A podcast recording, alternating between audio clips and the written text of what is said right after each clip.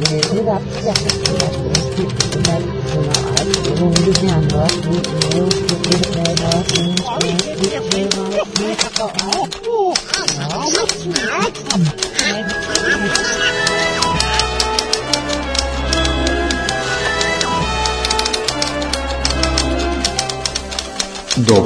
из Диснейленда. Тишина тому. Ничто меня не смешно.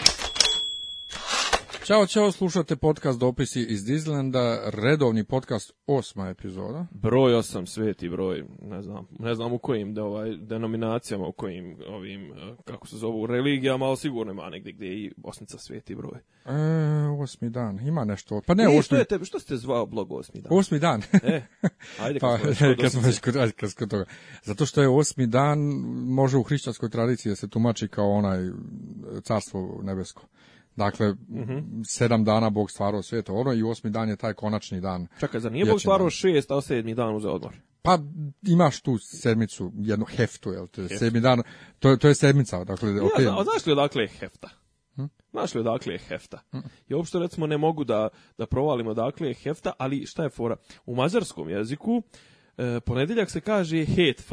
A šta znači hetf? Het je sedam, a f je glava i kao glava sedmice je e, ponedeljak, znaš. Jel, mislim, i kod nas... To odakle je 100%, znaš. I ja, sad kažem, da li je turcizam, da li je mađarizam ili je o to mađarsko-tursko i to, znaš, jer recimo, šta ono, u Mađarskoj ima, nije boja, nego soba, recimo. Soba je soba, a meni soba baš zvuči onako turski, znaš, ono je riječ soba, a soba je na mađarskom soba. Mislim. Pa čekaj, ima još neka riječ koja pečenje, zvuči... Pečenje u mađarskoj ladno piše p e c s e n y e pečenje, pek, pek je kao pekar, pekaru, pe, roba iz pekare, pekšeg. Čekaj, pecivo. gazda, je gazda isto? Gazda, gazda, da, mačka. Viš. A viš, gazda zvuči isto kao da je turcizam. Da, ma, dobro, mačka manje više, repa, repa, šarga repa, mm. pričali smo i o tome. Šta još ima od tih riječi? Mislim, ima dosta pričat ćemo jednom, rekli smo ovaj, da ćemo praviti... ali se vratimo na osmi dan. Dakle, osmi dan je Eshaton, carstvo Božje. Zato, zato, zato je osmi dan. Odatle je eshatologija, je li tako? Hm? Odatle je eshatologija. Ne, to je, to je od eshatologije. Eshatologija je mm, Mislim, priča o, o onome što je, ne, od Eshatona, od, to, pa od da Eshatona, da. Pa kažem, eshatologija je dobila ime od Eshatona. Pa da, eskatologija je recimo grana teologije koja se bavi eskatonom. Pa dobro i u, filo, i, i u, filozofi, spekulativna teologija. I u filozofiji postoji, jasno na filozofskom su nama ovaj Mislim, to možda se smatra kao grana filozofije, šta je poslije. Pa zato kažem, e, spekulativna teologija. Pa da, da. ovaj, šta će biti poslije, šta će biti prije, ja ne znam, ali nešto se dešava. U zemlji Srbiji je spratio šta, priznaj ili, ili da te filujem, pošto sam ja izgubio za njih posljednjih 4-5 dana sam izgubio, crkom mi je komp. Znači to je broj 1 i onda sam prešao na klasična ovaj, sredstva informisanja i jedan dan sam vezao, mislim da je to bila sreda, vezao sam jedno pa jedno 180 minuta Vučića ono direktno u Venu. Bilo je prvo na neka konferencija za štampu u Subotici je nešto ono divljo i onda je stigo, pošto sam ja to pustio kao ono, unazad dva sata, onda direkt kad sam završio gledanje toga, sam se prebacio na prvu gdje je bio u onoj nekoj emisiji 150 minuta, gdje je naravno njegovo neobavezno čakulanje sa ovom voditeljkom Anetom, ili kako se već zove, ona plava, malo bucmasta žena, se pretvorilo u naravno klasično prozivanje ovaj protivnički, političkih protivnika, i šta je meni interesantno u svemu tome? Interesantno je što recimo nakon toga ja sam u subotu je bio protest e, ne davimo Beograd treći, ali tako, Uh, u subotu je bio protest i paralelno s protestom na televiziji je istovremeno dok je trajao protest, protest je počeo u 18 časova, a u 19 časova na TV Pink je krenula specijalna emisija pod nazivom nešto sučeljavanje, nebitno, uglavnom zapravo je bilo teška reč, a, a u, u, studiju, u, u, studiju su bili samo goca, uzelac, čuvena goca što ima 50 kila sa sve cipelama, ono što je Vučić stalno, ona dolazi, ona ispred Pinka ide na konferencije za štampu Vučićeve, a s druge strane je bio Dragan Ivo I šta je e, za Šta se tu sučeljavalo? Pa evo o tome hoću da ti kažem. Ne, nije problem šta se sučeljavalo, nego problem je u tome što su oni bukvalno njih dvoje iznose ne iste teze, nego ponavljaju iste rečenice koje je Vučić tri dana ili dva dana prije toga govorio na konferenciji za štampu i sinoć je bio nastavak e, na Pinku, e, zove se Balkansko proleće, um, uvodu, uvodu haos ili tako nekako. Uglavnom, to je novi spin o kome ćemo pričati i bili su gosti Dragan Ivučićević, neka neka plava voditeljka koja nije ni plava, nebitno kakva je, nije mogla žena da pročita ni ono što su joj napisali, nije uspela. Bio je Dejan Vuk Stanković, onaj čuveni politički analitičar. Ne, Uglavnom ja sam negde na nekom forumu i to sve ja sam i nazvao. Znači bili su on bio neki zavetnika, on su meni posebna priča, ne znam zašto njih trpaju. Bio je uh, Željko Cvijanović, znaš ko je to, direktor standard, bio urednik standarda, bio urednik reportera, bio je nešto u Blitz Blitz eh, Srbija, Blitz Newsu, nebitno, i bio je neki lav, neki brko je bio iz, iz pečata neki klinja. Uglavnom ja sam ih nazvao u, u, okupljanje je bilo, znači bio je Uruk Haji, bio je zavetnik tog Cvjanovića za ovu novinaru civilu. Bio je mađarski carnik, taj brko je bio isti mađarski carnik, znaš, znam si ono tankve brkove i bio je ne znam ko je još bio, nebitno. Uglavnom, šta, šta je poenta? Poenta je da ljudi, ti ljudi konstantno pričaju, iznose iste podatke, čak iste pošalice koriste kao Vučić. Vučić je na toj nekoj konferenciji za štampu prvo to prvo luđenje, ono imao je 3-4 luđenja ove sedmice. Prvo luđenje je počelo tako što je on na toj konferenciji za štampu je krenuo je da se obračunava sa protivničkim medijima, je li? Ovaj i onda je rekao, da, e, ne znam da li si ispratio koje je izraze koristio za Radulovića ono tipa bježite noge postrame guz e, bježite e, noge postra i guzica. E, ne, pročitao sam ovaj, kako je 100 puta je znači, ponovio znači, prvo... rečenicu kako je kako mu je Radulović pobjegao iz pa kancelarije, to, to. kako je nogama udarao sam sebe u guzicu. Prilike, e, da. i stalno vrti tu rečenicu i onda tu rečenicu ponavljaju o, Vučićević i ta Gordana Uzelac. Onda je rekao a neki tamo Radulović je napao ne nije napao nego je rekao u na povod poslije prve skupštine, poslije prve sjednice novog saziva Skupštine rekao, kad su mu tražili izjavu Studio B informer i Pink, on rekao, odakle ste vi Studio B informer? Da, ne dajem vam izjave, vi niste novinare. I onda je tamo izbila je neka frka, onda je tražio obezbeđenje da izbaci mislim Vučić, ne, ne, nekog iz studija B, zato što je taj neki krenuo da obstruiše konferenciju za štampu. I onda je Vučić rekao, i onda su oni napali su, evo, gocu koja nema ni 50 kila s cipelama. I sad je to postao malte na internet mim, jer onda Vučićević kaže gocu koja ima 50 kila s cipelama u jutarnjem programu, pa onda I Goca emisiji, kaže, ja koja imam. Ja imam, ja, pa, kao, goco, koliko imate kila, pa 48, dobro, 50, nebitno. I uglavnom, goca s cipelama ima 50 kila. I šta je fora? Čita spin se vrti oko toga, nešto se desilo nismo još svjesni šta se, nismo još potpuno nam nije jasno šta se desilo. Izgleda da je Vučić se preigrao u medijskoj igri, izgleda da je krenuo i suviše agresivno.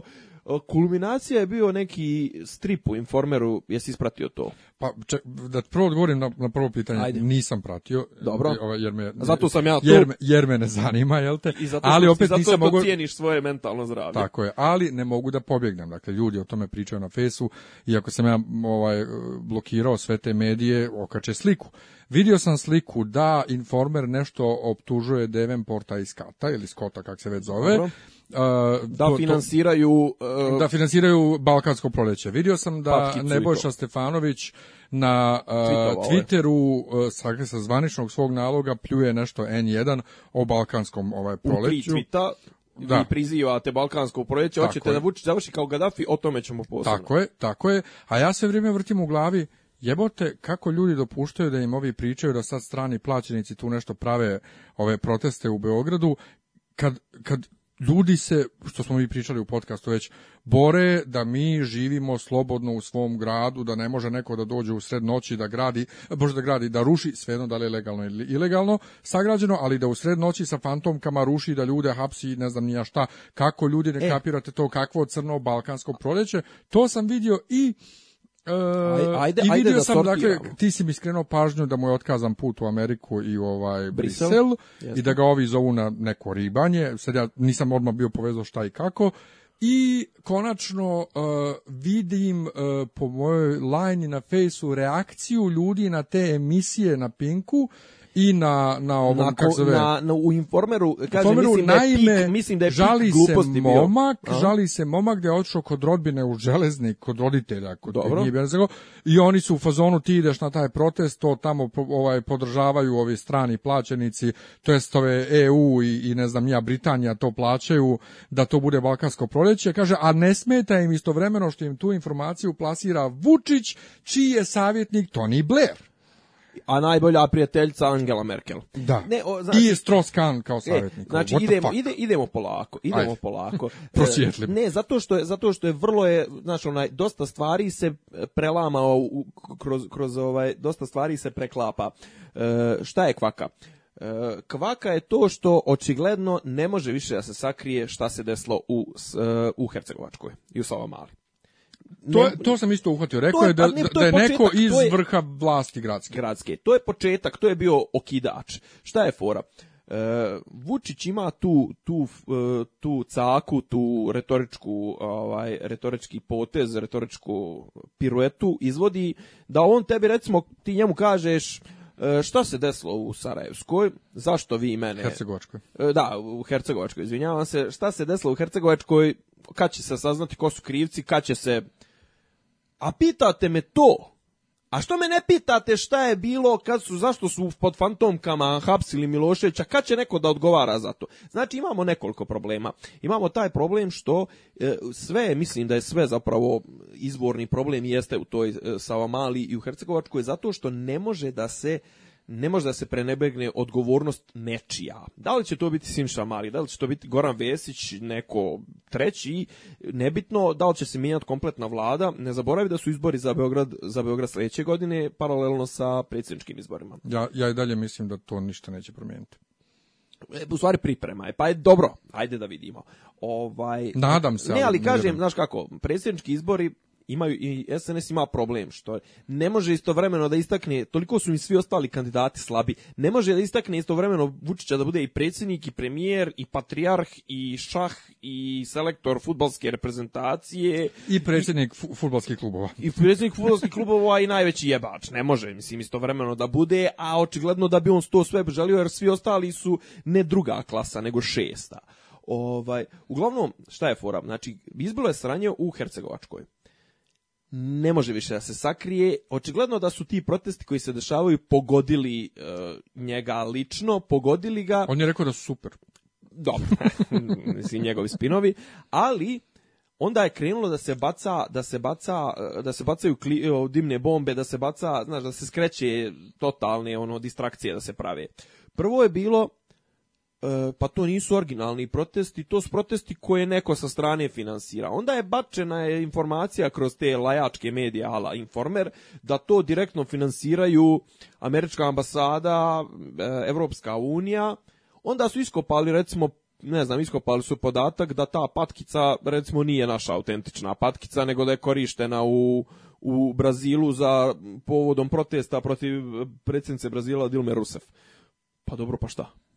Mislim, druga, treća stvar, kasnije su čak na tom istom Pinku skonstatovali zapravo da je ta patkica je neki umjetnički koncept nekog holanđana koji tako uzme te naduva ogromne te ovaj napravi životinje te crtanog oblika naduva ih na enormne veličine i onda ih pušta po ne znam po Amsterdamu.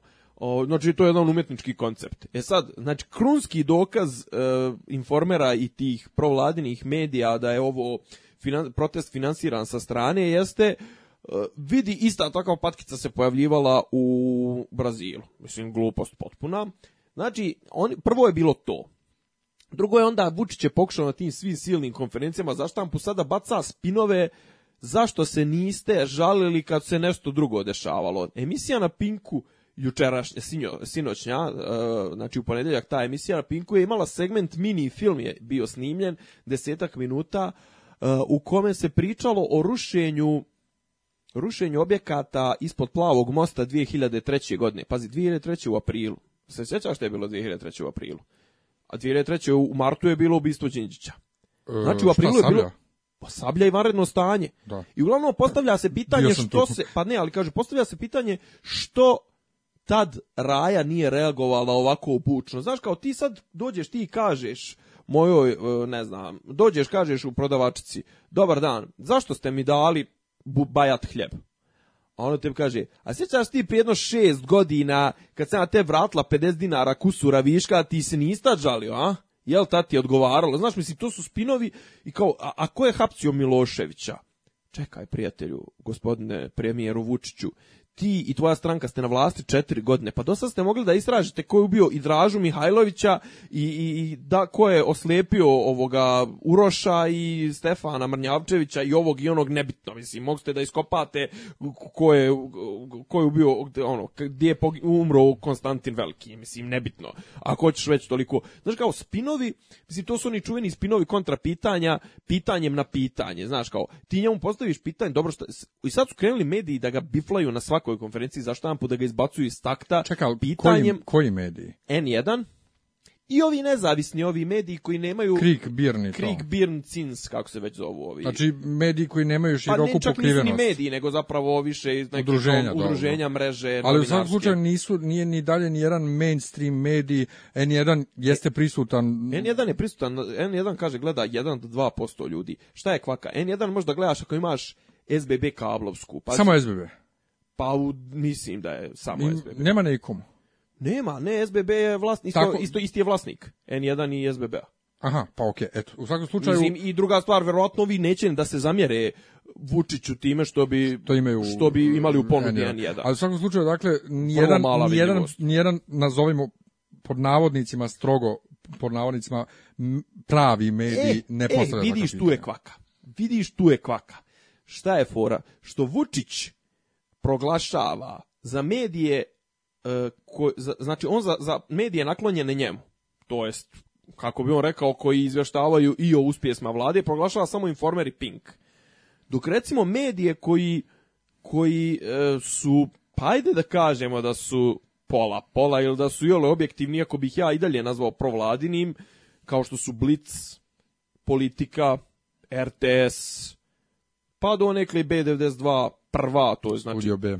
Ne, ne, Studio B, Studio B stavljamo u prvu grupu sa Informerom i Pinkom. Oni su baš pro, prorežimski. Jer, jer oni, jer oni, mislim, gledao si one, gledao si one čuvene, one... Ankete namještene. Ankete, one namještene, mm. gdje se pojavljuju isti likovi, ko vas finansira, čuvena pitanja. Uglavnom vam kažem, imaš, ok, imaš neke, imaš na jednom polu, imaš Pink, Studio B, Informer, jasno provladini i, i mislim, Željko Mitrović je rekao da je njegova misija životna da, da spreči da ikad više dođe, dođu žuti na vlast, mislim, čovjek to otvoreno kaže. S druge strane imaš ove otvoreno opozicione ili da kažem antivladine medije, to su uglavnom nedeljnici tipa Vreme, pa ajde donekle, mislim, ajde da, da ne ulazim dalje, ovaj nedeljnik i NIN imaju nekih kritičkih tekstova. Antivla... Ali vreme, vreme je baš. Anti, da, antivladin mediji je N1, imaš onaj sajt opozicionarija koje on, ovaj, to ne znam tačno ko stoji iza toga. E, opozicionar, čekaj, oni nemaju onu traku fondacije Slavko Ćuruvija, ne? Ne. To Birn Cins, ne, znam, ne to su Birn Cins. Cins. Birn Cins, znači Krik, Insider, ajde da i njih svrstavamo u, u antivladne medije, ko se oni konkretno, mislim da oni nisu antivladni kao antivučićevski, nego baš antivladni. Znači, to su ljudi koji su očigledno posvetili svoje djelovanje istraživanju korupcije na svakom nivou. E, znači ima sad kao taj srednji, srednju, srednju klasu, ono, srednje, centar neki, znači imaš Blitz danas, e, za koji su isto tvrdi da je opozicioni medija, nije, e, prva, B92, RTS, e, e I znači imaš te, te uh, kurir koji je bio jedno vrijeme opozicioni, a sad je ponovo okrenuo u jednu blagu priču, očigledno je pao, pao neki dogovor. Šta je fora? Što bi ti i ja, kao normalni posmatrači, bi rekli da su to mediji koji su, eto da kažemo, neutralni. Kod Vučića u njegovom svijetu svi koji njega ne hvale nisu neutralni, nego su protiv njega. I to je njegov problem što da. on vidi sve crno -bijelo. A on pritome njih predstavlja kao većinu medija, kao sve medije i kako njega svi mediji napadaju, a pritome su to sve mediji koji imaju vrlo, vrlo malu pokrivenost. Druga u odnosu stvar, na ove koji ga hvale. Druga stvar, on otvoreno kaže kako kod tih nekih medija neće nikada gostuje. Recimo na N1 neće da gostuje, RTS je krenuo da bojkotuje što je pod meni totalna glupost, znaš, ono, ti si premijer, pazi. Ne samo da je glupost, neprofesionalna. Upravo, pa Ja bih rekao i neustavno. Pa upra, u, ja, upravo. Ja bih to proglasio neustavno. Upravo. I znači, šta je fora? Imamo kalimersanje, klasično. Mene svi ruše, mene svi ne vole, mene svi ovo ono, i uglavnom, e, krenuli su, krenuo je taj njegov Kerber, ovaj, pljosnati, mu je, ovaj, ork, Vučićević? Da. ovaj, krenuo je, krenuo je u, u otvorenu u otvoreno agitovanje da je, da je ponovo na snazi državni udar. Jer koji, koji je ovo po redu? Pa kad ne znaju šta će, kad treba nešto da se zabašuri, a šta sad treba da se zabašuri Sava Mala i Hercegovačka, onda je državni udar. I državni Ali udar... dobro, sad ti meni, koji je ovo po redu bješ? Pa objektivno, ako ćemo brojati iskreno jedno negde peti, četvrti, Jel da? peti, a onako zajebanski mogli bi reći da je jedno 1620. Ja sad ti meni reci, šta Ajde. govori to o nama, ako se ljudi toliko primaju i dalje, a primaju se, ovaj, na, na, pa ne znam njegov... Da se primaju. Primaju pa se. Pa ne primaju se jer nema državnih udara, mislim druga Ne, ne, ne, ali ja ti govorim, ako se ljudi i dalje primaju na te priče i ako sad moj drug koji je bio na protestu ode kući i roditelji mu kažu ti ideš tamo na proteste koje, koje financira Zapada, da sruši Srbiju, šta govori to nama ako smo imali toliko najavljenih državnih udara koji se nisu desili, ako i dalje vjerujemo u, svako, u, u, u to što oni pričaju? Pazi, e, Sjećaš se, smo pričali, jesmo pričali kad je moj trener trebao da ide s djecom u Hrvatsku. Da, na, da, da, da, Pa kad nisu dali roditelji zato što je ovaj najavio. U Republici Srpskoj je bilo sranje. E, ne, u Hrvatskoj. Ne, ne ali u Republici Srpskoj je bilo sranje, sranje jeste, i zbog toga jeste. A ovaj najavio bila blokirana. Da, da će biti blokirana, ali sa Hrvatskom isto granica, da. pa roditelji nisu dali. Dakle, šta to što oni tako najavljuju pa se ne desi govori o nama. Pa govori o tome ovce.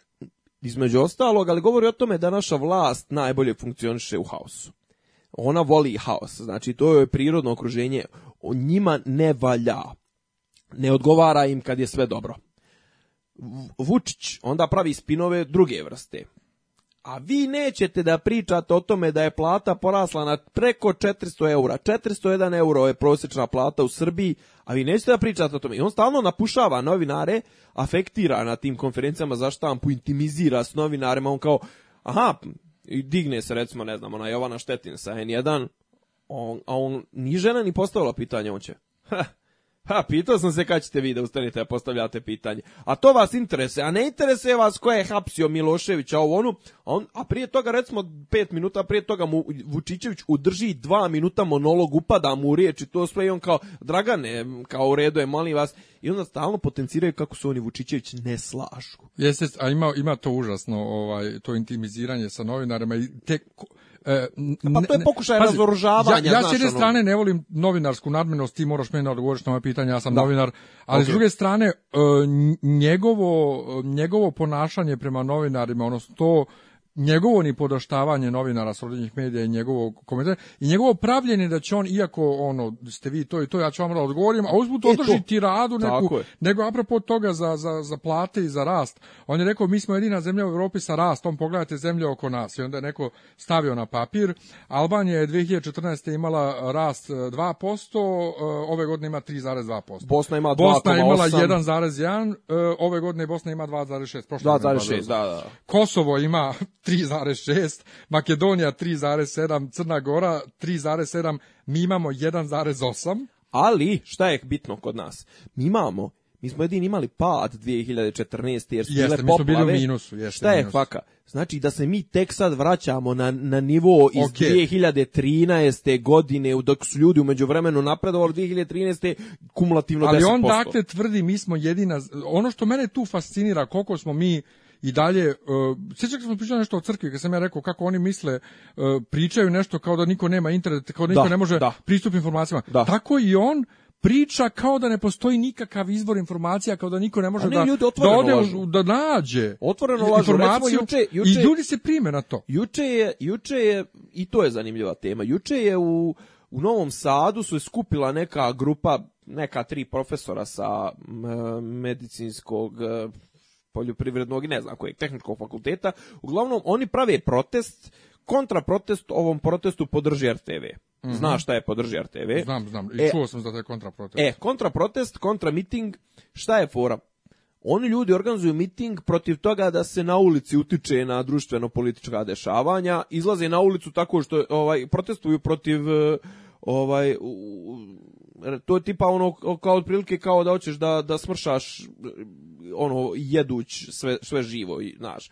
Ovaj e oni ljudi protestuju miting, mislim i sad šta je fora juče u, u toj emisiji na Pinku Vučićević kaže a molim vas je li jedan mediji o, ozbiljan medij objavio osim informera i Pinka o, o tom kontramitingu. A ja dva sata prije toga gledao RTV, onaj dnevnik, znaš da RTV od dnevnik ide u pet popodne, pa ga preuzima RTS bio, bio izvještaj sa tog, sa tog okupljanja te trojice. Uglavnom, znači, krenulo se sa kontramitinzima, krenulo se najava, e, ne znam, jesi primijetio, vrlo intenzivirano je, vrlo intenzivirana e, provladina, provladini, kako da kažem, e, pojava nekih tamo nazovi organizacija i na internetu ovih sponzorsanih, na Facebooku sponzorsanih oglasa neka s, tipa srpska omladinska akcija ili tako neki ne, stalno meni izlaze ono kao suggested post znaš oni plaćeni baš sponsored post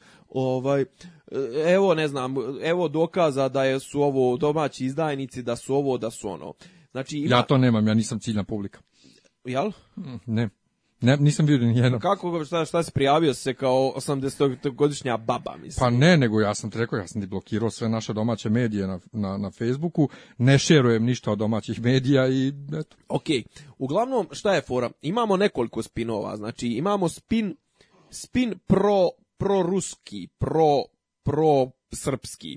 Uglavnom, strane vlade, znači kad, kad bilo šta omane, onda pozovi se na to da te koji su protiv tebe da su strani plaćenici. To je jedan od omiljenih spinova i to je, mislim, izazvalo reakciju.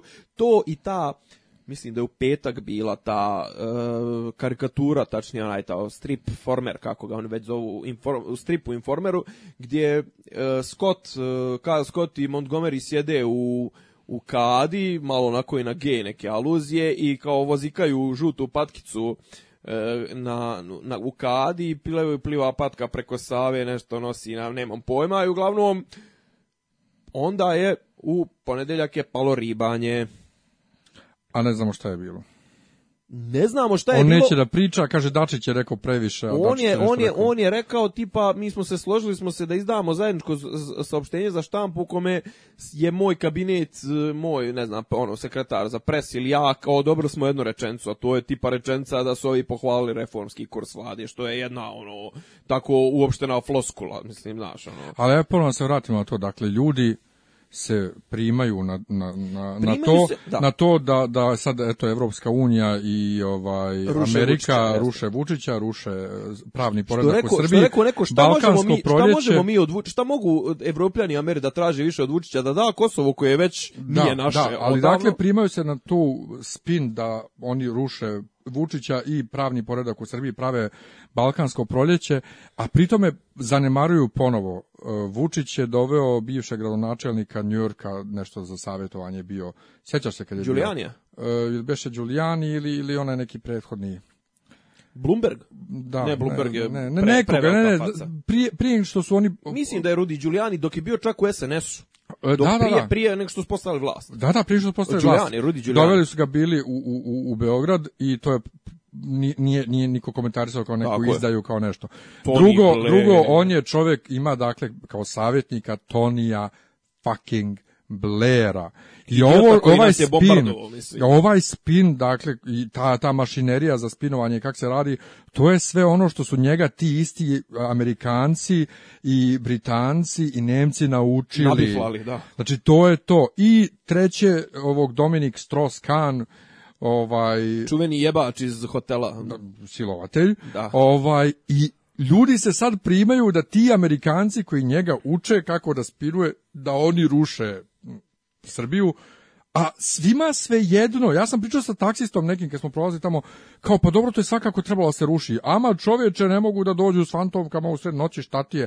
E, to je, to je još jedan spin. A to je još jedan tek spin kad je... ti dođe kući, kad, kad tebe neko jebe u tvojoj sopstvenoj kući, e tek onda se kod ne, nas to Ne, to, je, to je novi spin, znaš, kao spin je sad, uh, znači, ok, on, e, da, ima čuvena njegova rečenca, preuzeo sam odgovornost. Prijatelju, šta znači preuzeo si odgovornost? E, to je to nije njegova čuvena rečenica, to je kod, kod svih naših političara od pff, Pa od Đinđićevih dana do danas, kad god se nešto nešto zasere, bude evo ja preuzimam odgovornost pa to je, i ništa ne bude. Pa, to e, to. pa o tome priča, ti ljudi ne znaju šta znači rečenica preuzeo sam odgovornost. To znači da će neko da snosi posljedice znači da se ti smatraš odgovornim za sranja i ti treba da odgovaraš. Znaš kad na što se kod nas vodi to preuzeo sam odgovornost? Aha, e, Miljan je razbio e, prozor komšin. Dobro, evo ja kao Nemanja, ja, ja preuzimam odgovornost. Znači komšija ne smiješ Miljanu, nemoj na njega galami na mene, ali nas mene, na mene ne smiješ da galameš što da te polomim ko pičku. E, otprilike to je to njihovo shvatanje, preuzmanje odgovornosti i otprilike, u stvari nije polomću te ko pičku, nego e, sve Vučićevo se svodi na to, pa izađite na izbore, pa me pobijete znaš, kao preuzeo sam odgovornost, ali pošto sam pobednik na izborima, ja ne mogu da ja ne budem premijer, znaš, ono, kao, ko što bi recimo u Japanu neko izvršio harakiri zbog ovih sranja koja se dešavaju. Uglavnom, znači, sa he, e, Hercegovačka. E, izvini, ali kad reću o Japanu, moram totalnu digresiju da napravim, potpunu digresiju, apropo izvršio bi harakiri e, dešavanja. Danas sam vidio klip, ovaj, E, u Holandiji preko vikenda napravili ispod autoputa ovaj e, tunel. Dobro. Komplet tunel mali Tunjel. ispod auto, 70 metara. Dobro. Za vikend. A na tom i drugarca koja živi u Tokiju kači Za tri i po sata su u Tokiju, na, od neke zadnje stance voza, dakle nadzemni voz, nazovimo ga, su napravili okretnicu koja se spusti, dakle spusti se šine i da o, o, siđe voz u, me, u dole u podzemnu, u metro. Za tri i po sata kao u Tokiju... Kao prevodnica na, na branama. Ono, da, je, znači za tri i po sata su Japanci Čekaj, to, to sagradili komplet za tri i po sata. Da, znači imaš snimak. Ne, imaš... ček, nije tri i po sata da traje e, silazak tog voza. Ne, ne, nego... ne, ne, ne. Znači imaš snimak, stiže zadnji voz i kreću, Aj, kreću radovi i za tri i po sata prvi jutarnji vozovi kreću sa tom novom obilaznicom, nove prodavnice otvorene i tako. Zajeba. Tri i po sata, a Holanđani cijeli tunel za tri vikenda. Kod nas, eto, ovaj, dođu u sred noći sruše. Znači, neko je tu napravio ogroman zajeb i sada Vučić konstantno ti priča kako je on preuzeo odgovornost, kako će neko odgovarati, kako on pravi vođa, kako je to i onda njegovi spin majstori ala Krstić, Nerbojša, znaš ko je Nerbojša Krstić, onaj mm, idol. Ne. Da. Jest. On naš tvrdi, evo ga, prvi put u istoriji imamo političara koji je preuzeo odgovornost, a s druge strane, njegovi ovi satrapi konstantno vrše spinove, mislim, vrši Vučić, znači, odgovori na Hercegovačku su. Dobar dan, gospodine premijeru, šta će bilo u Hercegovačkoj, ko je odgovoran za to, kad će biti procesuiran. Nemojte da, da, da nemojte da nemojte mi pitati, to čekamo izvještaje zvančnih organa. Tužilaštva, nemojte vi da utičete na tužilaštvo da ono, a on ljude stvar, naziva kriminalcima i lopovima. Druga stvar tako. kaže pa to, pa to sve polukriminalci i kriminalci, to je sve nelegalno. Sad novi spin je nije čak ni nelegalno, nego je to državna zemlja, on tu nisu imali pravo. E, treći spin je aha ti što se bune protiv toga Beograd na ovaj ne da ne davimo Beograd, to su američki špijuni i međutim šta je interesantno, autuju se svi ovi provladni se konstantno autuju. Evo recimo da ne znam, juče je bila ta emisija na Pinku pored tih za koje smo već znali tipa uh, ovaj bože uh, Cvijanović, Dejan Vuk Stanković, recimo u filmu se pojavljuje Čedomir Antić. Ona istorčar. Znaš ko je Čedomir Antić? Znam čovjeka, imam ga na fejsu. e, pojavljuje se Nebojša Krstić, pojavljuje se Marko Lopušina, onaj što je pisao one silne knjige, ono, cija, ovako, onako. Znači, ja samo očekujem Malagurskog u jednom momentu i on se mora pojaviti, pošto je danas je potpisao ugovor sa RTS-om da se njegov, onaj, težina lanaca 2 konačno emtuje iskuko je, eto, hvala kurcu, mislim, sad smo slobodni smo. Uglavnom, ja znači- nisam, to ide iz mog džepa. Pa, eto.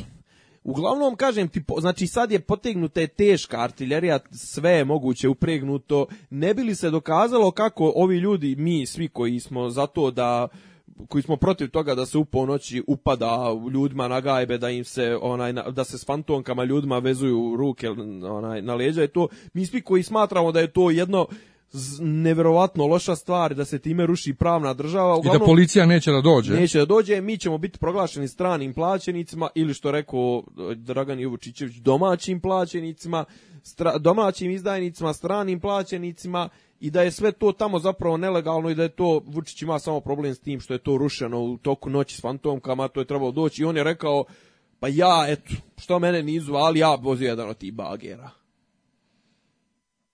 Boli me glava. Evo, bolite glava, uglavnom... A jesi, jesi, jesi bio tamo?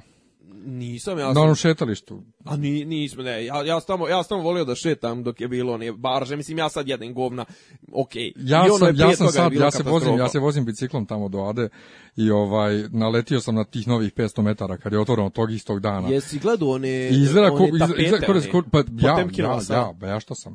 Ovaj, me, o, lijepo je a bolje je nego ono. Znači, prvo lijepo je, e, na stranu ta Potemkinova sela, Potemkinova sela Nemanja hoće da kaže ovaj zid koji ograđuje šetalište od gradilišta, e, zalijepljen je plakatima, to jest ne plakatima nego tapetama kako će da izgledaju prodavnice i restorani, da, da. Ovaj, ali šetalište je prelepo drveno, ima igralište za djecu, e, ovaj, i, ali izgleda kura da si u Dubaju, u Majamiju, gdje već ali, skroz je fake ali imaju ti neki novi sad privremeni kafići, nazovi privremeni kafići, gdje Coca-Cola recimo košta 90 dinara, brate. 90 dinara, a u, isto je tvoje Sava Mali, ulicu iza je 200-300 dinara u tim raspadnutim Znam, ali, ali lijepo izgledaju oni snimci iz, e, kako se kaže, Triumf des Willen, kako se kaže, Triumf volje, onaj film Leni Riefenstahl iz 36, iz 30 neke, ono gdje onaj čuveni film, propagandni film, NSDAP, je se tako zvali, NSDAP, NSDAP. NSDAP. Ovaj, uglavnom to fantastično izgleda, ali osnovna ideja koja stoji za toga je loša. Loša je ideja da si ti dao prodaješ priču da je, ne, ne, da je dolazi, dobra ideja, Arapin, sta... dolazi Arapin s 3 milijarde dolara, zapravo ne dolazi s 3 milijarde dolara, nego je došao sa 150 miliona, će eventualno uložiti i da će nam kredit za 150 miliona i kasnije će do tih 3 milijarde nagurati profita, koji znači samo će da vrti. Da znači, ideja je dobra, izvođenje ne valja. Nije ni ideja dobra, nije dobra ideja da ti daš, da ti rušiš, da ti, da, ne, mislim, ne, ok, ideja kao ideja, ali um, Ideja da se to uredi je lijepa. Oruđa, još je Đilas, oruđa još je Đilas su... govorio o Savskom amfiteatru, upravljanju tu mega giga. Oruđa koja su se koristila su spravno silovanje. Ja ti kažem, ide, ideja je dobra, izvođenje ne valja. Govorimo o izvođenju, to način na koji je dato, šta je dato, kome je dato, to je loše. Pa ali sama ideja da se to uljepša, brate, dobra je. Znam, ali, ali je to, to, to tamo je prljavo, je smrdi naravno. I, i, i ta Sava Mala, ja i dalje ne razumijem što je to tako popularno. Isto kao jebena beton hala, svaki put kad prolazim biciklom odatle i vidim one e, e, ruševine i ono zapišano i napisane oni grafiti i odjednom četiri mega fancy kafića gdje sede stranci. Kako Sava Mala, bre čoveče, ja kad sam i ti kad došao na fakultet Sava Mala to je nije bilo... postojalo. Ne, ni, ajde što nije postojalo, ne, bilo je, postojalo je ne, kao... Ne, nije postojalo kao, kao, ne, ne, kao postojalo je kao dio mjesto. grada. A pa to, kao dio kao dio grada gdje je bio hotel, Bristol ili hotel Putnik, okupljala se kurve dole kod, kod ovoga kod ekonomskog fakulteta i kod autobuske, dole to luka, to je uvijek bilo predmet svih mogućih korupcija, to tamo onaj potez baš od geozavoda gore do, do Kalemegdana, to je uvijek bilo kritično, to kaže da je tu nešto muljalo se s Miškovićem, s ovim, s onim, ovaj, tako da, ali kažem, problem je taj što je sve moguće e, pravne norme, svi mogući postulati uređenog društva, pravne države su urušeni da bi se to, da bi se to moglo tako je. Druga stvar, vidjet ćemo da li će to uopšte biti izvodljivo arhitekto, arhitektonski. Jer su e, rekli da su tu neke, neka ukrštanja, strujanja, e, Ma jes, rijeka, a vidiš, što se mene tiče, neko bulj. naprave tu lijepo šetalište, ja sam zadovoljan. E, ne imam, moraju ništa imam više. problem s tim što je moj bullshit of the week. A? imam preko problem s tim što ti kažeš nek naprave tu nešto lijepo, u stvari vezano je baš za, za to što ti kažeš. Ovaj, jesi li čuo izjavu gradonačelnika našeg ljubljenog? Bio u Moskvi. Aha. Bio u Moskvi i kaže, oduševljen sam Gorki parkom. Jo, jeste, rekao je nešto, nije mrtvo zelenilo. Mrtvo zelenilo. Uglavnom, Rusi su, pa si, to je pravi, pravi pokazatelj toga kako oni razmišljaju, kakvi su to, kakvi su to ono, tehnokrate i oni ljudi ugrađivači u sve i daj da se lapi, znaš, kao, Pa da, ba bio sam tamo, da vidite šta su napravili Rusi od Gorki Park. Tu ima tih sadržaja, ima šta da se pojede, popije. Mislim, nije to samo obični park, nije to samo mrtvo zelenilo, nego... I onda ti skapiraš da on na park gleda kao na nešto što, što je, je mrtvo zeleno. Ne. I onda, I onda pomisliš, Ljep te jebo, ova će da uništi veliko ratno ostrvo. Ne samo veliko ratno ostrovo, znači ovaj bi gdje god... Ne, rezerv, rezervat, to je rezervat. Da, ne, ali, oni, oni će htjeti to, svaki od par... toga da naprave nešto. Ali to je onaj klasično ono naše, ono mislim, to je ovaj sindrom istočne Evro, istočno evropski i to ruši parkove zida, izgrade zida, i kafiće zida, i igraonice zida, znaš ono, grota bre u, sred grada da imaš zelenu površinu kad bi se tu moglo, znaš koliko bi se tu moglo spratovadić, koliko bi se tu moglo u grad. Šta znaju u Njujorku? Pa mislim, oni su glupanderi što nisu im centralnim šta, parkom. Šta, Central Park mislim, šta, koliko ima? Šta će kome to? Dv, dv, dv, 20.000 hektara, el tako, tako nešto. Zamisli koliko tu, koliko to košta, koliko je tu kvadrat, to koliko bi se moglo u grad, čoveče. Znam da podigneš, znaš, ono, dobiješ ti tipa na, na 1000 kvadrata, dobiješ sprat svoj, dva sprata, to je automatski 30 miliona dolara, ili tako nešto. Čoveče, mislim, a on budale podigli park. A šta sad ti misliš, da li će ovi protesti ovaj, imati ikakvog efekta? Znaš kako, protesti, ima, imam jednu zanimljivu ovaj, observaciju, a to je Jer ja, iskreno, ja nisam raspoložen za ponavljanje 96-a, 2000-ta, pazi, za taj krug. Drugačiji, pa ne, pazi, to su bili drugačiji protesti. 96-a na 97 protesti su išli na upornost.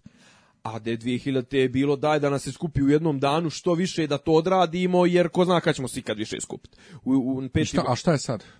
Pa sad je, znaš kako, sad je, sad je, mislim da je to, ovo je čisto artikulacija, čisto ventil za, za ispuštanje tog osjećaja nemoći. Znači, Ali evo više Washington Post i Guardian pišu o protestima, Pazi, mora a, da naši, se... a naši, ne, naši se E, a o tome hoću da ti kažem, to baš se hoću da ti kažem. Pazi, radika, radikali ovi, neoradikali, gledao se skupštinu. Malo. e, pa gledao skupštinu i sva god neko kaže iz opozicije, on mora da odgovore. Njima je u tom trenutku odgovaralo da izaberu Maju Nikol, Nikolić. Maju, Opet Maju Nikolić. Aj, Gojković, Maju Gojković da izaberu što prije za predsjednicu. A šta je problem? Što njima neko nešto dobaci iz opozicije, oni odmah moraju da odgovore. Jesi gledao, mislim da je kod Kesića bilo onaj neki što je, što je, što je rekao, ovaj, ustoje, ne znam ko je rekao, Balša Božović, ustoje je rekao, ovo sve posjeća na Orvelovu životinsku farmu, ustaje, mislim, podpredsjednik kluba, ovaj, podpredsjednik E, poslaničkog kluba SNS kaže, vidim pomnijete tu neku farmu i to, mislim, ne znam o čemu pričate, ne znam, to neku životinsku, ne znam šta je to, ali mislim farmu, jel ovo vas posjeća na farmu, znaš. I onda ovi višovi u, u, u, u, u u demokratskoj stranci, on svi po, pod sto ljudi, patos. Onda ustane Martinović da ga ispravi i kaže, ali gleda, čitao sam ja kao, eto, životinjsku farmu od Orvela, ali u životinjskoj farmi to je metafora, obrat pažnju na ovo, to je metafora, tamo su vlast, ovaj, vlast predstavljena kao svinje, ali vi ćete da kažete da su da smo mi ovde iz vladajuće stranke svinje, onda ostane Pajtić i kaže ali gospodine Martinoviću, to jeste metafora, ne, svinje predstavljaju ljude, znaš, ono, vidiš ljude, jebote, znači ona jedan nije pročitao životinsku farmu, onaj drugi i pročitao je, ali nije skonto o čemu se tamo radi, mislim, katastrofa. Uglavnom, šta kažem, šta hoću da kažem, ti protesti su prilično nevidljivi, jebote, ja pričam sa svojima, u Bosni ljudi uopšte ne znaju, recimo, ja kažem Ćale, tu je nemoj danas dolaziti u Beograd, gužva je rekao nešto u gradu, ovaj, zatvoren je, bit će pola dana zatvoren, kao šta je, šta se dešava? Pa rekao protest. Aha, pa znaš, mislim, kod je Ćale nije čovjek na društvenim mrežama, znaš, ono, ne kreće se u tim krugovima, i, I kažem ti, šta je problem kod ovih neoradikala? Oni ne mogu da prećute i oni konstantno prozivaju i u informeru i daju vidljivost i na Pinku daju vidljivost tom protestu. Ali umanjuju, Glup. ali umanjuju. Ali, ba pa nebitno je da što umanjuju, znači, ali to, to da izignorišu to bilo i prošlo Čeka, bi niko... ti kažeš tvoji ne znaju u Bosti, dakle da i bosanski mediji, to je republiko-srpskijanski, nazovimo kako god hoćeš, pa, ovaj, pa, su provučićeski.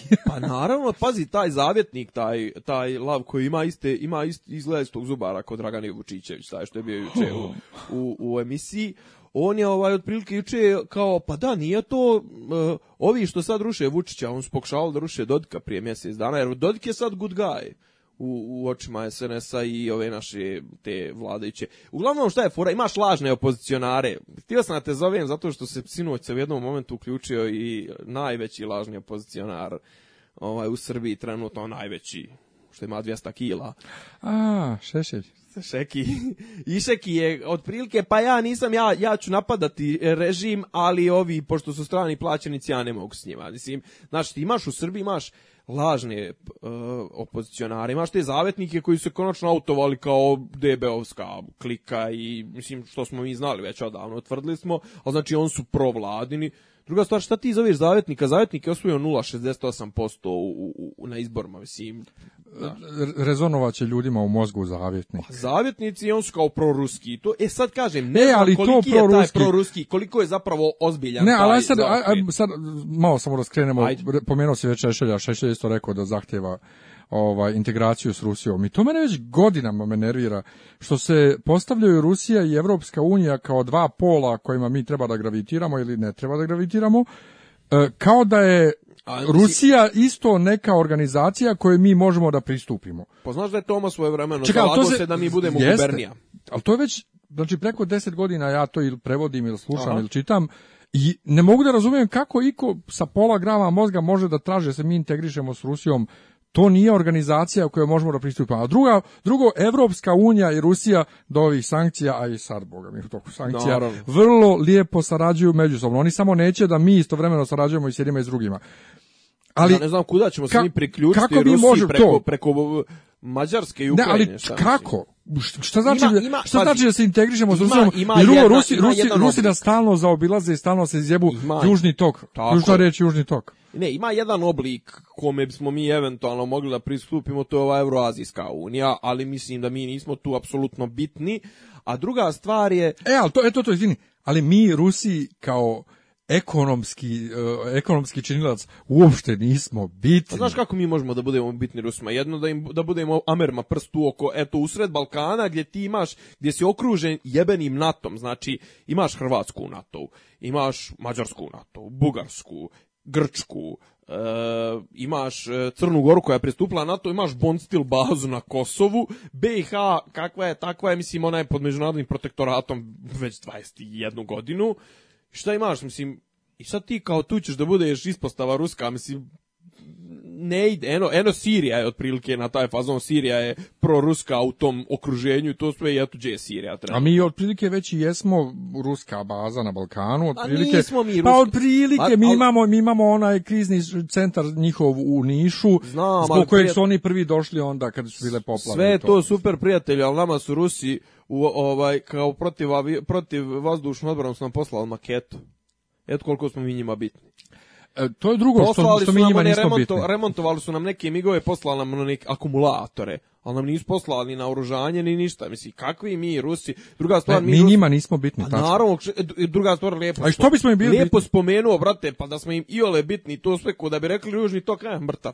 Pa on su, to, on su to rekli nakon što smo mi zavarivali one cijevi iz oka, išla tamo slikala se... Čekaj, ali što bi mi njima uopšte bili bitni? Zašto?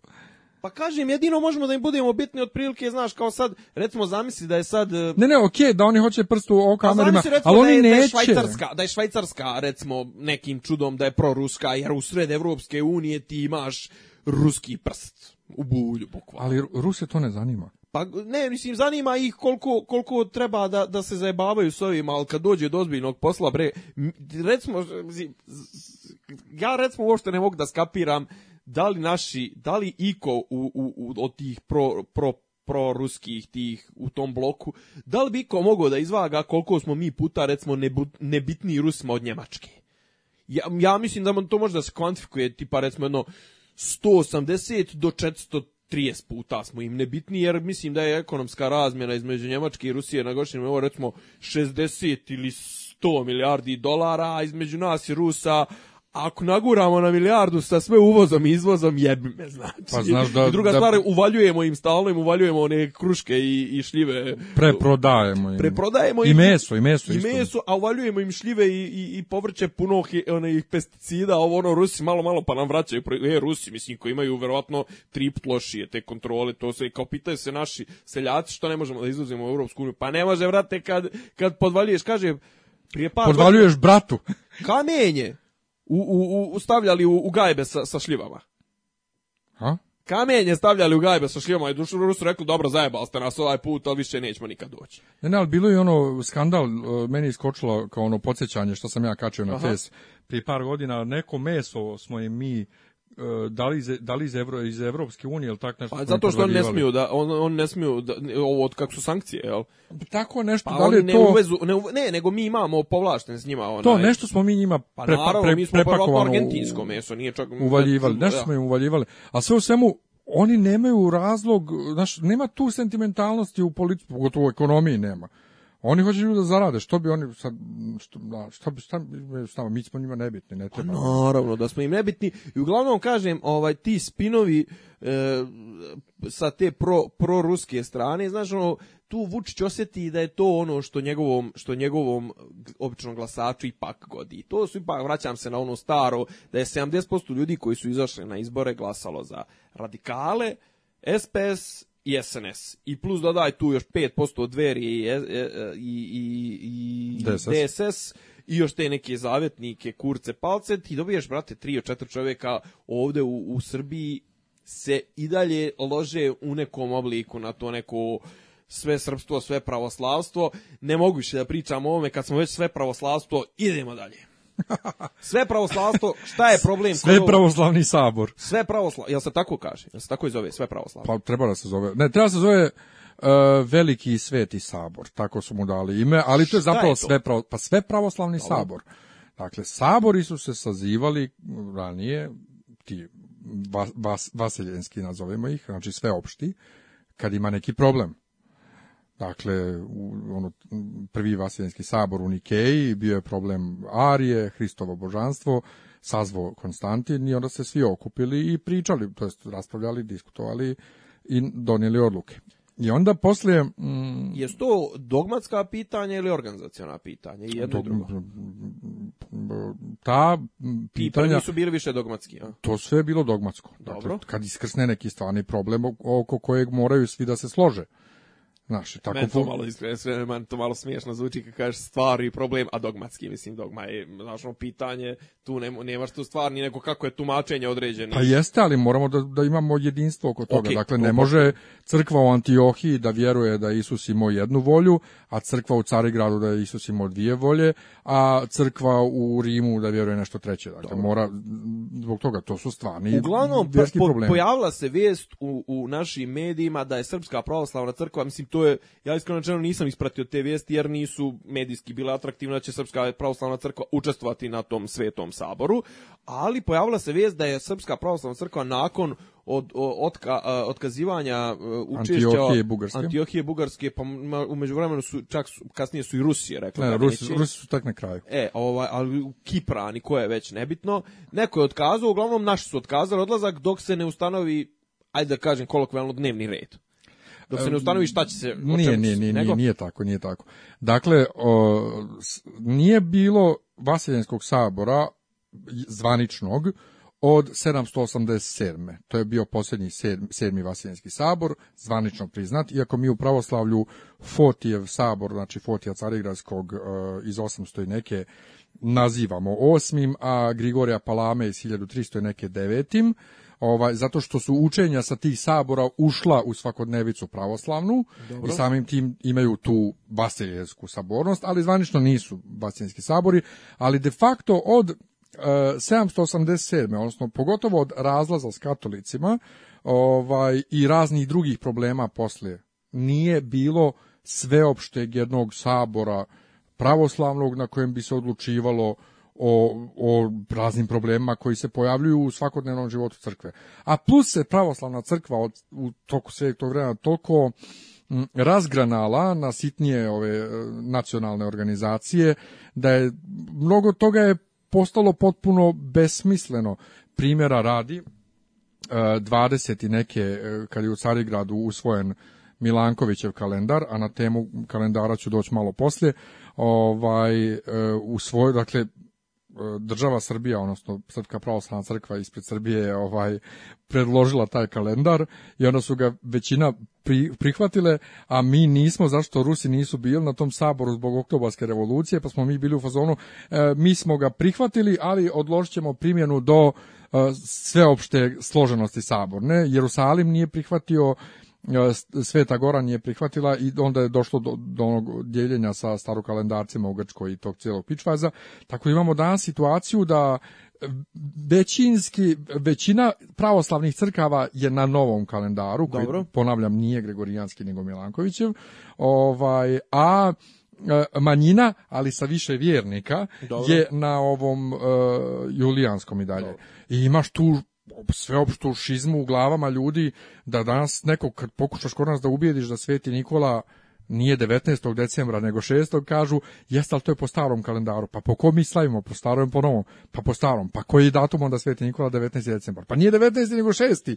ako slavimo po starom dobro, to je to je razlika između između kako da kažem svetovnog i crkvenog kalendara e, ali koji tu je, je problem koji je ta... okay, ovaj je uobičajen u običnom životu, ne, ne, ali tako da upra... da kažem, a u, u, u životu, Jeste, ali mi dakle ali crkvene datume koriste... mi crkvene datume izražavamo po novom kalendaru, čime dobiješ onda totalni ovaj paradoks da neko kaže 7. januara da je Božić 25. decembra 7. Ne, da je 7. januara, januara Božić 2016. Pa nije to Božić 2016, to je Božić 2015, danas je 25. decembar 2015. Tako je. Tako je.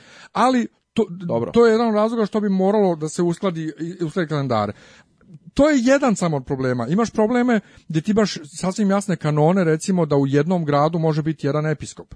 Ti imaš primjera radi u Beču, imaš našeg episkopa Srpske pravoslavne crkve, imaš e, episkopa Ruske pravoslavne crkve, imaš episkopa ovaj ovog e, Vasiljenskog patrijarhata, dobro, istambulskog recimo, i imaš ja mislim još nekog što je e, eklesijalno, znači crkveno ovaj kanonski potpuno sumanuto i suludo, mi bi svi trebali da idemo u jednu crkvu.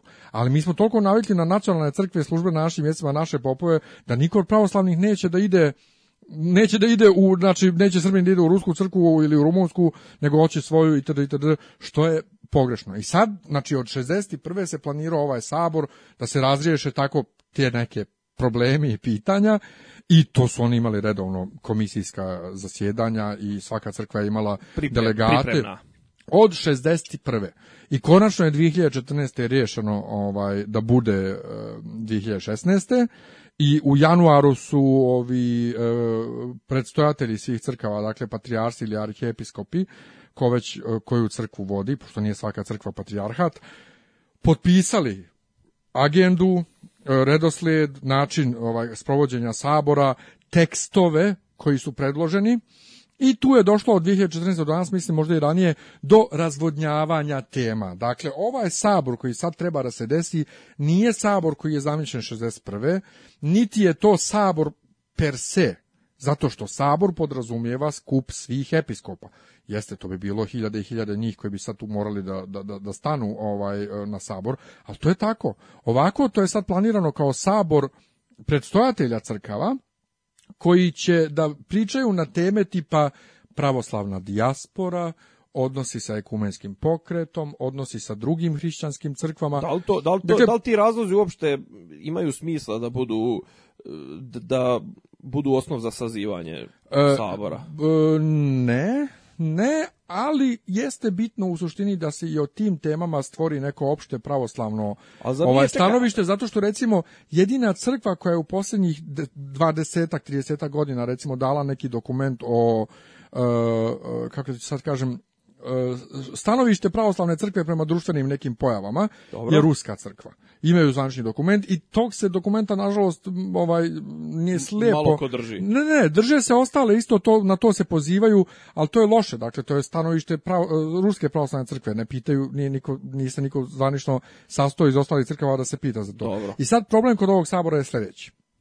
E, mnogi episkopi lokalnih crkava nisu uopšte pitani da li se slažu s tim tekstovima. Dobro. Znači nije nije saborski se složeno učešće i teme i tekstovi, nego su samo patrijarsi. Dobro. Drugo, ne može biti sabor ako, ako su samo predstojatelji crkava. Čekaj, šta ti reče, jesu, jesu do sad, jesu, mislim, Jel se razgovaralo makar na nekim komisijskim jeste, nekim jeste, sve je dogovoreno. A ne, ne, to su... ne o, o, tome, nego inače o nekim problemima, mislim, jel postoji nešto, kako da kažem, nešto među niže, niže granga među, među pravoslavno, znači ili moraju ti predstojatelji, što ti kažeš? Ne, ovaj. ne, pazi, ne moraju predstojatelji, moraju svi. Aha. Znači moraju svi da se skupe. Ali ne, nije se o problemima razgovaralo ni na tim, ni, ni, ni, nigdje, a kad su teme sastavljene, one su toliko razvodnjene da se ne bi ljudi posva, dakle da ne bi morali da se svađaju ni oko čega, Dobro. nego eto samo ono strogo oko čega će se složiti i lako završiti sabor za 11 dana. I to je problem. A osnovni problem zapravo je rivalstvo između Moskve i Carigrada. Moskva je sebi, pošto su najveći i najviše ih ima, uvrtli su oni sebi negdje u glavu da oni treba da budu treći Rim. I da oni se treba da budu glavni. I ovo sad što se dešava, Bugarska, Antiohija, mi, to je sve zapravo rusko potprckivanje, jer su Rusi sad na kraju došli i kažu, eto, ovi neće, mi stvarno svim silama želimo da se to održi, ali ako ovi neće, onda nemamo sabornost, ne možemo bez njih. A čekaj, ko je, ja sam, mislim da mi to mi neka informacija kroz, kroz glavu prošla, e, u ovom saboru je li bi učestvovao vaseljenski patrijarh? On ga, on, on ga, saziva. On ga saziva. On ga saziva. A oko toga je zapravo, znači, mislim, to je, zašto ga on, sa, mislim, šta, pa on je dalje malo, malo da. Rusi, da. aha. Jeste, ali, ali nije samo to. Znači, um, um, ovi problemi koji se ističu uh mhm. -huh. sa dokumentima, sa načinom kako je rađeno, sa načinom odlučivanja, sa načinom proceduralnim, kakav treba bude, rekoh već, to nije sabor, e, svih crkava, to je sabor patrijaraha i arhijepiskopa, to onda nije sabor, to ne može da se zove saborom. Ovaj, e, zatim imamo problem između Antiohijske crkve i Jerusalimske crkve, naime Antiohija je ta koja neće da učestvuje, i ne može da učestvuje zapravo i njihovi predstavatelji nisu potpisali ove dokumente e, u januaru i nisu e, još neki dokument Gruzini isto nisu o braku. Jo, nisu, mene sad, nisu potpisali. Sad, sad me ali imamo evo ti osnovni problem između e, Jerusalimske i Antiohijske crkve trenutno nema evharistijskog, to jest opštenja liturgijskog. Dobro. Oni nisu trenutno u zajednici. Aha. Zato što Jerusalim uzurpira neke teritorije Antiohijske crkve i oni su prekinuli opštenje s njima i zahtijevaju da se prije održavanja sabora razriješi to pitanje jer oni ne mogu zajedno da služe liturgiju na tom saboru. Dakle, to ne može bude sabor ako oni ne mogu da, da služe da, da, liturgiju. Da, da, Vasilijski patrijarh je u fazonu, e, a da bi održimo sabor, pa posle ćemo to da rešavamo. Ovi su fazonu, brate, ne možemo da imamo sabor ako onda to ne rešimo. Čeka, a, a ovaj Jerusalimski, je li on ima neku posebnost? Nema. Nema na nikakvu posebnost. Nego je jel pod njega samo spada ova crkva Svetog groba jel tamo to je njegova. Ne, ne znam sad kolika mu je teritorija, ali Aha. to je Jerusalimska zajednica mislim. Da, da, da, da, ali mislim oni kao ono nemaju ko, znači kao prvi među jednakima se ističe Vaseljenski, koji je, je u Istanbulu u Cargradu. Da, dobro, da. Okej. A, a šta je zapravo šta se priča, jesi li ispitivao malo i po, po ovim nekim društvenim mrežama i to sve, šta se, šta se priča, šta je razlog da naši se ponašaju tako kao što se ponašaju, je li ih Rusi lože ili... E, znaš šta, ja mislim da je, kod, da je kod nas, kod nas u crkvi isto kao što je u državi. Nas ne mora niko da loži, mi se sami ložimo. Mi smo, ja. Da, mi se sami ložimo da se dodvoravamo nekome. Da, da. Mm, problem je, evo, Vladika Maksim je u jučerašnjem broju ovaj, politike napisao treba ići na sabor u, u rubrici lični stav i to je izašlo na internet izdanju, izašlo je nešto kratko i piše opširno u digitalnom izdanju ili u štampanom. Dobro. Ja sam kupio to prošto, ali prvo sam se naslov užasnuo od komentara ispod teksta, je kao kakav lični stav, kako vladika može imati lični stav, bla, bla, bla, bla, bla. Prvo viš, da ljudi nisu... Ko su, ko su ti, ko prvo da vidiš da ljudi, koji se, prvo da vidiš da ljudi nisu ni pročitali šta on da. čovjek napisao, a drugo, kako neće imati lični stav, pa u tome, se, u tome jesmo, kako hrišćanstvo uči, Bog da bi je dao slobodnu volju, dakle e. imam svoj lični stav, a drugo je sabor. Ali, dakle, vladika Maksim u tom tekstu piše da u maju na saboru, dakle prije dvije nedelje jebote, E, crkva se složila da se ide na sabor, crkva se složila sa dokumentima koji su potpisali dakle prvojerarsi u, ja, u januaru. Sabor se složio, ide se, jeste, mi imamo određenih problema s određenim stvarima, ali mi idemo. I odjednom prije par dana patrijarh objavljuje da ćemo mi imati poteškoća sa učestvovanjem. Dakle, nije on eksplicitno rekao mi ne dolazimo, ali jeste otprilike malte ne rekao eto mi ne bismo mogli da dođemo jer ovi ne dolaze, a i nije, nije, nije uvršteno te naše primjedbe ovaj, na te razne tekstove, to nije uvršteno. I šta će sada bude, da li mi učestvujemo ili ne učestvujemo, Bog sami zna. Imam jedno, ima vam jedno, to ćemo neka kasnije kao neku temu ćemo posebno ćeš me ovaj prosvjetliti. E, pravoslavna zajednica srpska na internetu ima toliko tih nekih e, i sajtova, i lažnih, mm -hmm. i nelažnih, i pravih, i onih, e, i ovih e, novotaraca, i ekumenaca, i vakvih, i nakvih, i tih što, što ne znam, ovih što su se odrodili. Znaš, mora, jednom ćeš nam svima uzeti, pa ćeš nam razbistriti šta, šta, je, ko, šta je ko ovaj ko je ko u srpskom pravoslavnom internetu. Hoću, ali ovaj e, da se vratimo na pitanje kalendara, dakle Ajde. kod nas ja već sve više više počinjem da vjerujem da je to e, namjerno pušteno, namjerno tako napravljeno da se stvori razdor među ljudima. Postoji već dugo ta e, informacija i vjerovanje da pravoslavni novokalendarci, da su oni na gregorijanskom kalendaru koji mi ti pravoslavni talibani, nazovimo iz ovu papski kalendar.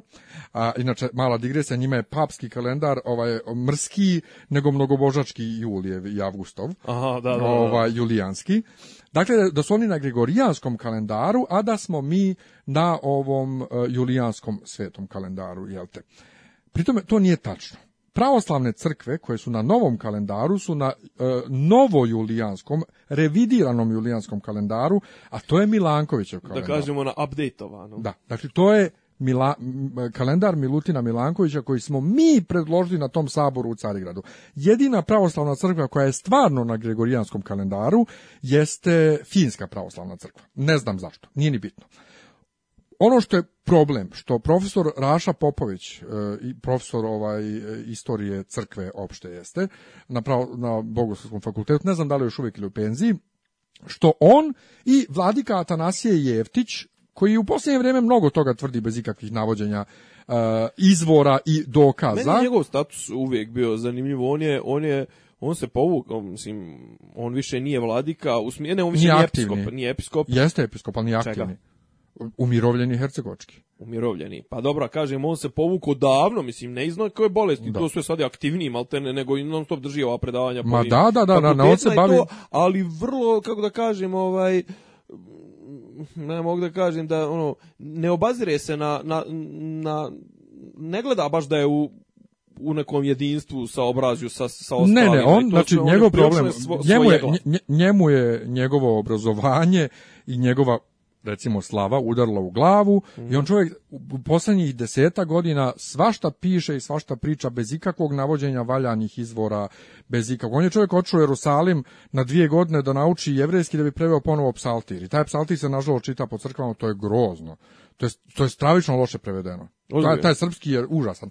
Ali vra, i još on, njegovi tekstovi koje on prevodi, ovaj, on uzme čovjek, ko ono student uh, jezika na prvoj godini gdje profesori križaju, ma uzme i e, napiše e, prevod riječi, a onda u zagradi stavi još 5-6 značenja riječi. A, to, znači, da. brate, odluči za jednu riječ. Znači, a, da, da. nema zajebancije. Ali nebitno. Znači, jedini, jedina dvojica koji tvrde da su ovaj e, da su ovi na e, gregorijanskom kalendaru bez navođenja ikakvih valjanih izvora su Atanasije i Raša Popović. I studenti pravoslavnog gospodstva uglavnom se toga drže kao, kao, kao lijepi i ne daju reći da oni nisu pravu. Pritom, bilo koji strani izvor, kad pogledaš, odeš da vidiš taj je revidiran julijanski kalendar, vodi da Milutina Milankovića. Na sve to Milutin Milanković u svojoj knjizi mislim da je nebeska mehanika, koja može da se gleda digitalno na sajtu Narodne biblioteke Srbije, opisuje tok e, dešavanja u Carigradu. E, gregorijanski kalendar za početak uopšte nije bio u opticaju tamo. Nije bio opticaj. Zašto bi onda, dakle, pravoslavne crkve prihvatile Milankovićev kalendar, pa poslije par dana se predomisle i ničim izazvano izabrale Gregorijanski? Nema smisla. Drugo, on e, štampa u toj knjizi pismo carigradskog patrijarha koji mu se zahvaljuje na kalendaru i kaže kako će uskoro početi primjena. Zatim, par godina poslije on na njemačkom, u nekom njemačkom časopisu pisao o tom svom kalendaru koji su prihvatile crkve. Dakle, e, svi izvori mogući strani i sam Milanković upućuju da to da je taj kalendar Milankovićev. Jedino u Srbiji i Srpskoj pravoslavnoj crkvi vla, vlada taj mit da je to gregorijanski kalendar i jebeš mi sve ako ja znam zašto je to tako, zašto se mi okrećemo od našeg pa Dobro, kalendara, po, po, očigledno... samo zato što se trenutno poklapa sa gregorijanski. Pa da, poklapa se i onda je automatski, mislim, ne u kom svijetu je mrzi kada iščitava. Ali, ajde kom svijetu, nego imaš Atanasija i, i ovog, kako zove, Rašu Popovića, pri čemu Dobro, nijedan on je očigledno njih... malo i ovo SNS-ovski, Vučićevski podvaljuje neku agendu Ali oni agendu uopšte političku. ne navode nijedan valjan, ne valjan, nikakav izvor ne navodi. Nikakav, znači, ja sam potpuno zblanut već godinama. Sluđen. od kako sam saznao i srećom ima ima ljudi ovaj i u, i u, u, u među profesoratom ovaj Bogoslovskog fakulteta koji guraju u medije tu priču o Milankovićevom kalendaru jer meni je to iskreno rečeno sramota da, da su da, da je grčka crkva na našem kalendaru a mi nismo. Da. I to stvara stvarno ja sam bio jednom e, u toku bogoročinog posta e, ne jeste u toku bogoročinog posta sam bio ovaj u, u, u Bugarskoj, a i Bugari i Grksi e, su na novom kalendaru i nama je post, njima nije post, mi još čekamo ovaj preobraženje, njima je već bilo preobraženje prije 13 dana i tako. Znači ono potpuno sumanuto za za međupravoslavne odnose, a da. kamoli a kamoli za za odnos sa svakodnevnim svijetom. Dobro, to to je baš onako praktičan problem, mislim taj taj vjerovatno, samo samo da ga samo da sazovu taj taj sabor u vezi sa kalendarom bilo bi bilo bi dovoljno opravdano, da. Tako Ali ima milijardo drugih problema Dobro. koji treba da se riješe, ali očigledno je da nije ni sabor najbolje uh, organizovan i da na tome treba da se radi, da. ali sad ako se on ne održi, mi ćemo ispast mislim, mi onako za nas u svijetu ovako generalno niko ne ferma. Katolička crkva je glavna, protestantska crkva je, je uz nju. Ne veze koliko nas ima, mi smo zadnja rupa nasvirali ovaj, u, u svijetu i sad ćemo ispati samo još smiješni. Neozbiljni. Da. Neozbiljni smiješni, izgubit ćemo svaki autoritet i pokazat ćemo da jedinstvo mislim, mi znamo da jedinstvo ne postoji stvarno, ali da ono zaista ne postoji i vrlo dugo će trebati još da se onda održi taj sabor. A ja ta odlaganja, znači mi imamo tu, tu, tu taj duh odlaganja, isto kao e, postoji u Srpskoj pravoslavnoj crkvi ideja već dugo i potreba da se eparhije e, neke smanje i razdijele na više eparhija. Da se izvrši, Beograd, recimo. izvrši komasacija, zemlje, e, tako da kažem. Arondacija da se... se zove. Arondacija. Arondacija. ovaj, I to se stalno odlaže. I stalno se odlaže. Zato što ljudi vole da imaju veliku teritoriju s puno vjernika, to je više para para, Dobro, je, više prihoda da, od crkava slabost i na, slabost Tako na da, moć. da to je dakle problem loša organizacija, e, nejedinstvo, nerješavanje problema i onda samo što ja ne razumijem je sledeće, zašto su oni čekali 5 do 12? Zašto to nije dignuta dževa još ranije? Jebe što se ovako razumijem. Dobro, imam sad jednu, ne znam da li da je počinjem, temu o kojoj bi vrlo rado i pisao, ali s obzirom na to da, da mi je, kažem ti, kompjuter mi je u defektu, ovaj, razmišljam da, da, da ti ispričam kako je lepo živjeti bez kompjutera. e, to je sasvim lijepo, ali ja imam jednu drugu temu o, o, o kojoj sam ispravljeno govorili, Ajde. Evropsko prvenstvo. Pa kažem, da li da ti pričam, baš sam, mislim, da mi bude šla, šlagvort. Ovaj, pa ne, ali ja, ja sam baš htio da te pitam, jer ja... Ne, ali ja, ja sad, kako, pogotovo kako kompa nemam, ja sad, znači, čitam intenzivno knjige i gledam TV još intenzivnije nego što sam gledao, nego sam mislio ovu ali kažem ti, ajde napisat ću nekad, bio je ovaj neki, in, što bi rekla Tanja Savić, incest, ovaj, incident e, oko profesorce na muzičkoj akademiji i tog kiča, shvatanje kiča u kako da kažem, u akademskim urbanim krugovima. I A ja to uopšte nisam ispratio. Turbo, tu, turbo narodnjaka. Evo, uputit vrlo kratko i čisto to će biti tema pisanja nekog, čim dođem do nekog upotrebljivog eh, ovog, računarskog uređaja. E, neki je, neka je dječija emisija se pravi na RTS-u i uglavnom profesorica e, solo pjevanja na FMU mislim da se zove Katarina Jovanović, Jovanović e, je napravila neki spot, snimljene neki spot u kome se parodira turbofolk. I to baš onako u, devet, ono, u stilu 90-ih, znači šljašteći iza one, znaš, ona, iza ona pozadina, oni neki šljašteće boje, e, neki tekst retardirani, nešto ja sam bruka i sramota, udr ne daj. Uglavnom, teška parodija na 90. Onda se digla se frka oko toga zato što je u onoj krš emisiji Bulevar na B92 neko je to isjeko, istrgo iz konteksta i potpisali su se kao studenti FMU, vidite profesorce nam pjeva narodnjake. Uglavnom, kasnije sam ja ispratio neku, ovo sad može znači da zvuči kao rekla kazala, ali ja sam ispratio e, e, rasprave na Facebooku na dva profila gdje se javljala i, i gospođa, gospođica Katarina Jovanović da objasni o čemu se radi i da stavi u kontekst. Odatle smo i saznali zapravo da se radi o toj dječjoj emisiji, da se radi o parodi. Mislim, evidentno je da se radi o parodi jer je taj spot, mislim, taj isječak traje jedno 50 sekundi, vidi se da je zajebancija teška. E, ali šta ja imam problem, zašto ja mislim da oni svi promašuju futbal? E, đaci promašuju futbal ona tvrdi da su zapravo da to čak nisu prijavili đaci, nego da nju buši neko od kolega sa akademije zbog nekih oborenih e, e, ne konkursa, nego kako se to kaže, tendera, projekata, ovo ono. E, đaci ako nisu shvatili da se radi o parodiji, onda smo u velikom problemu. Ako jebeni studenti FMU-a nisu shvatili da se radi o parodiji, onda smo u velikom problemu. Kako će tek djeca u osnovnoj školi da shvate da se radi o parodiji kada, kada e, ne, ne, ne shvataju studenti FMU? A drug, s druge strane, taj način parodiranja turbo, turbo folka i narodnjaka je pogotovo promašaj futbala, jer ona parodira kroz 90. otprilike to je Gagi Jovanović radio 94. sa Zidarevom ljub, sjećaš se pjesme Zidareva ljubav. Sjećam, ali to, je, to je, znam, znam, ali to je bilo u, u ranama Novčanice. Između ostalog. To, ja. Da. Znači, šta je, šta je moj problem s tim? Moj problem s tim je što ta elita, pogotovo ta muzička elita, Oni dalje misle da se bore protiv, prvo šta se oni imaju boriti protiv turbo folka. Turbo folk postoji, pa je takav je kakav je. Ti druga treba da stvar, da se boriš tako što ćeš da stvaraš kvalitetno kvalitet svoje. na drugoj strani, a tako ne je. da se boriš. Druga stvar, ti se boriš metodama iz 90-ih. Pa to je najbolje isparadirao u 94. Gagi Jovanoviću dva sata kvalitetnog novogodišnjeg programa sa pjesmom Izvukla s ciglu iz cemelja ljubavi naše. Nemaš više šta. Oni dalje imaju viziju toga da je turbo folk Uh, pošast. Ono, pa ne da je pošast, nego da on i dalje postoji u, u obliku iz 90-ih. Ti ljudi očigledno nisu među vremenom preslušali. Turbo folk, pa sam neko večer sam pričao... Ne postoji. Onaj, ne to, nego turbo folk i ako postoji to grandi, to... Ti ljudi umeđu vremenu su promijenili dimenziju, on su, on su očli warp brzinom, warp brzinom 5,5. Znači, dok su ovi ostali i dalje u, u istom onom zakucani, umeđu vremenu Turbo Folk, to jest Grand, nebitno, ljudi ulažu u produkciju.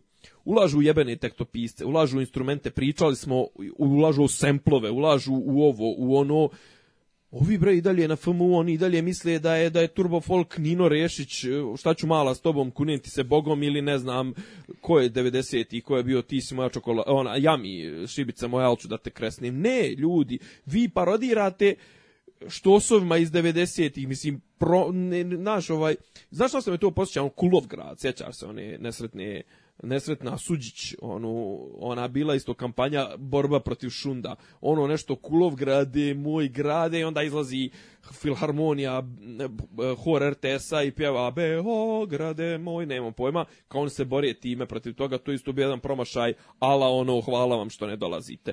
Meni smeta taj kultur rasizam ti urbani, nazovimo urbanih elita, ti kritikuješ jebenu publiku što je izabrala populistički način zabave. A ne tebe. A ne tebe, ali brate, ja sam neki dan gledao, ima neki projekat, zove se Opera za decu.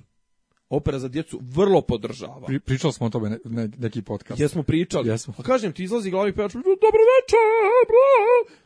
ne razumije, ja ga ne razumijem, a djeca ga pogotovo ne razumiju, ko, ko, koje dijete će to da zainteresuje, vrijeme vas je pregazilo, znači moraš da se obraćaš novim načinom, novim medijima, modernim vrstom, pa modernom to, brate, pa oni kad rade, oni, oni kad rade malo moderniju inscenaciju neke opere, moraju da idu u Sava centar i moraju ne znam kakve pare da ulože da se hvale time da bi savremenija opera bila nego što je u Narodnom pozorištu. Pa išao, išao sam ja na... Doduše, na... moram ruku na srce e, Srpsko narodno ovaj, pozorište u Novom Sadu ih malo šije. Išao sam ja na, spec, na, na predstavu u kojoj je naš drug Ljuba Popović polago specijalizaciju, mislim se ta zvala specijalizacija recimo.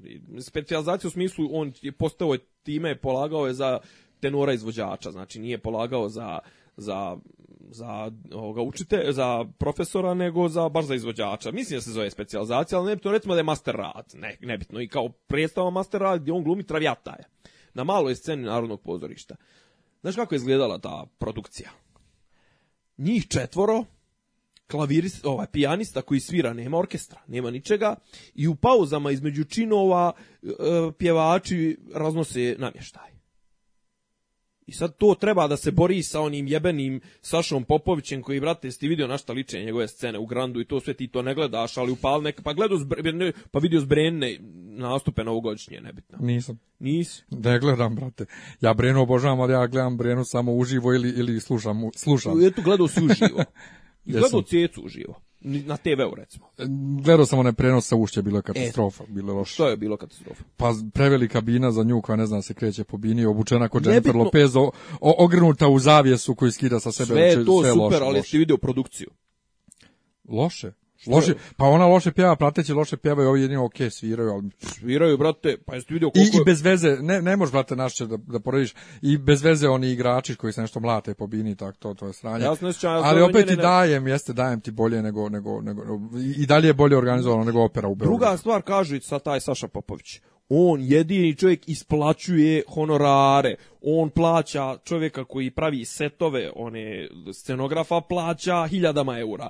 Plaća sve koji se bave produkcijom plaća to. I ti a ti kažem ti kritikuješ to i kritikuješ slušaoce i naravno nabijaš slušaocima tipa i ona akcija odlazak da odsviraju neki neki onaj jazz kvartet ko šta je bilo oni trubači duvači odlazak u Strahinća bana hvala što ne dolazite meni je ta akcija bila totalni Užasna promašaj. je bila, užasna. Mislim, promašaj, znaš, kao sad ti, hvala što ne dolaziš na, mislim, to je sad kao Miljane, kod ja tebe otprilike kad ti došao i sad ti ovdje odsvirao ti nešto od, recimo, B.B. Kinga i od, od Hendrixa i rekao, et, hvala ti što ne slušaš klasični rok Znaš, ne, znaš koja je meni sad asocijacija? Ne, meni sad asocijacija na Thompsona, nećete u čavoglave. Šta će u čavoglave? ne za, ko je čavoglave, šta je to, ne za, Tako je ovo, kao tim u Strahinća bana, hvala što ne dolazite. A zapravo ovo, to samo... ne, verovatno nisu ni znali ko su A to sviraju. zapravo pokazuje samo koliko bi oni dupe dali za to da im ti Strahinća upravo, bana dođu. Upravo, ta, upravo to, to, to je poenta svega. Ja, e, to je taso, to je tasovac. Ja sam još tad govorio za tasovca da bi dupe dao za, za to, a svi su bili, jao tasovac genije, prc ode tasovac u, u ministarstvo kulture. Duša prodana. I eto. Duša prodana. Uglavnom kažem, to je bilo I eto, to je bio jedan od, od ovaj, incidenata koje sam ispratio, a Evropsko prvenstvo je počelo sportski gledano loše, organizaciono gledano odlično, a što se tiče ostalih ovih momenata, navijači su izgleda katastrofa nikad gori. Ma, to sam htio da te pitam. Poginuo je, poginuo je neki eh, Irac, Englez, je, pala je već prva žrtva od nekih povreda, šibaju se gdje stignu imaš šibanja višestruka, tipa ne znam, u Marseju e, Arapi i Rusi se dogovore da šibaju u Engleze, e, ne znam, ovi vamo se šibaju između sebe. Al čekaj Rusi da mi objasniš jednu stvar. može nešto, moraš jednu stvar. Da Uslovno diskvalifikovani, to nisam ni ja ispratio. Ajde. Moraš jednu stvar da mi objasniš. Ja sam htio da gledam njemačke utakmice, a nisam promašio sam. Ovaj, ali sam vidio nešto da su Dakle, Rusi i još neko zajedno tukli Engleze. I on sam vidio Arab neke... iz, Arab iz Marseja. I on sam vidio komentare nekih mojih na fejsu da bi, da smo mi to sad bili, da bi mm. nas užasno kaznili, a znam da ti naši inače podržavaju sve što rade Rusi, da. ti moji koji to komentažu, pa mi sad nije jasno da li on sad traže da Rusi budu kažnjeni, što su napali Engleze, Ili da Englezi budu kaže šta, šta, što, što su Rusi, Koji je tu problem sad? A ne, Rusi, Rusi su Rusi uh, sledeće svjetsko prvenstvo 2018. u Rusiji. Okay. Ne, 2000 da 18. 2022. u Kataru. Ovaj i Rusi Rusi su ono Bad Boys, ali ali njihov savez očigledno ima i dalje ima neku zaleđinu i Rusi su Dobro, veliki, ali sa sad naši koji se finansijeri. Okej, okay, okay, ali veliki sad veliki finansijeri Evro Lige šampiona Gazprom. Dobro, ali ono... sad ovi naši koji sad kažu to da smo mi nas bi kaznili, jer sad oni očekuju da Rusi treba da budu kažnjeni ili Englezi ili ko, Ne, šta? nego je to Kalimero sindrom Vučićev da smo mi nas bi kaznili, znaš, kao jer smo mi mi smo niko i ništa, ne stvari Aha, kad ali, kad ali, stignu, ja, ja bi... kad stignu nas jebu od Dobro, ali ja bi očekivao e, tipa nama nama mi smo kažnjeni s tri boda i sa izbacivanjem ili šta Znam, već kad, kad je onaj sjeko... Ne, ne bre, u u Đenovi kad je onaj Ica Bogdanov kad je a. sjeko onu žicu, pa i zbog šiptara smo kažnjeni, a ovi naprave ubiju čovjeka, pa i niko ne kazni. Jeste, ja samo hoću da kažem da ja da mi je, da sam zbunjen što se neko naš buni protiv nečega što su Rusi radili, pa, a ne evo ovdje novi proruski se ne bune, ali druga pa, Ne, ali proruski se bune, o tome ti govorim, to to sam zbunjen. Pa ne, to je kao ovaj- tipa eto Srbi su naj naj e, svi protiv Srba. Ali evo, evo stotine navijača je Srbije otišle u Francusku, otišle. Mm. A mhm. da, stotine otišle, okej. Okay. E, uh, gdje su sa braćom Rusima ovog vikenda vodile ulični rat sa engleskim huliganima. Piše informer. Mi, mi, mi sa engleskim huliganima ne bi trebalo da imamo bilo kakve sukobe jer, jer realno naši, naši trenutno ta, kako da kažem, huliganska scena i mi imamo sukobe sa šiptarima, imamo sukobe s Turcima. E, to! Turci su došli na utakmicu sa Hrvatskom sa transparentom gdje je Marko. Tako je. What the fuck? a pa, kažu, ka, kažu da ti navijači Galatasaraja ti da su ubedljivo najveći idioti koji postoje ali čak da ček, da su veći od ček, naših a sad idiota. Mi objasni zašto to postoji pa kako se i kako su ubli, ubli ma ne on, dobro što su oni nego uopšte takvo huliganstvo i kako se to može iskorijeniti? Da li se to uopšte može iskorijeniti?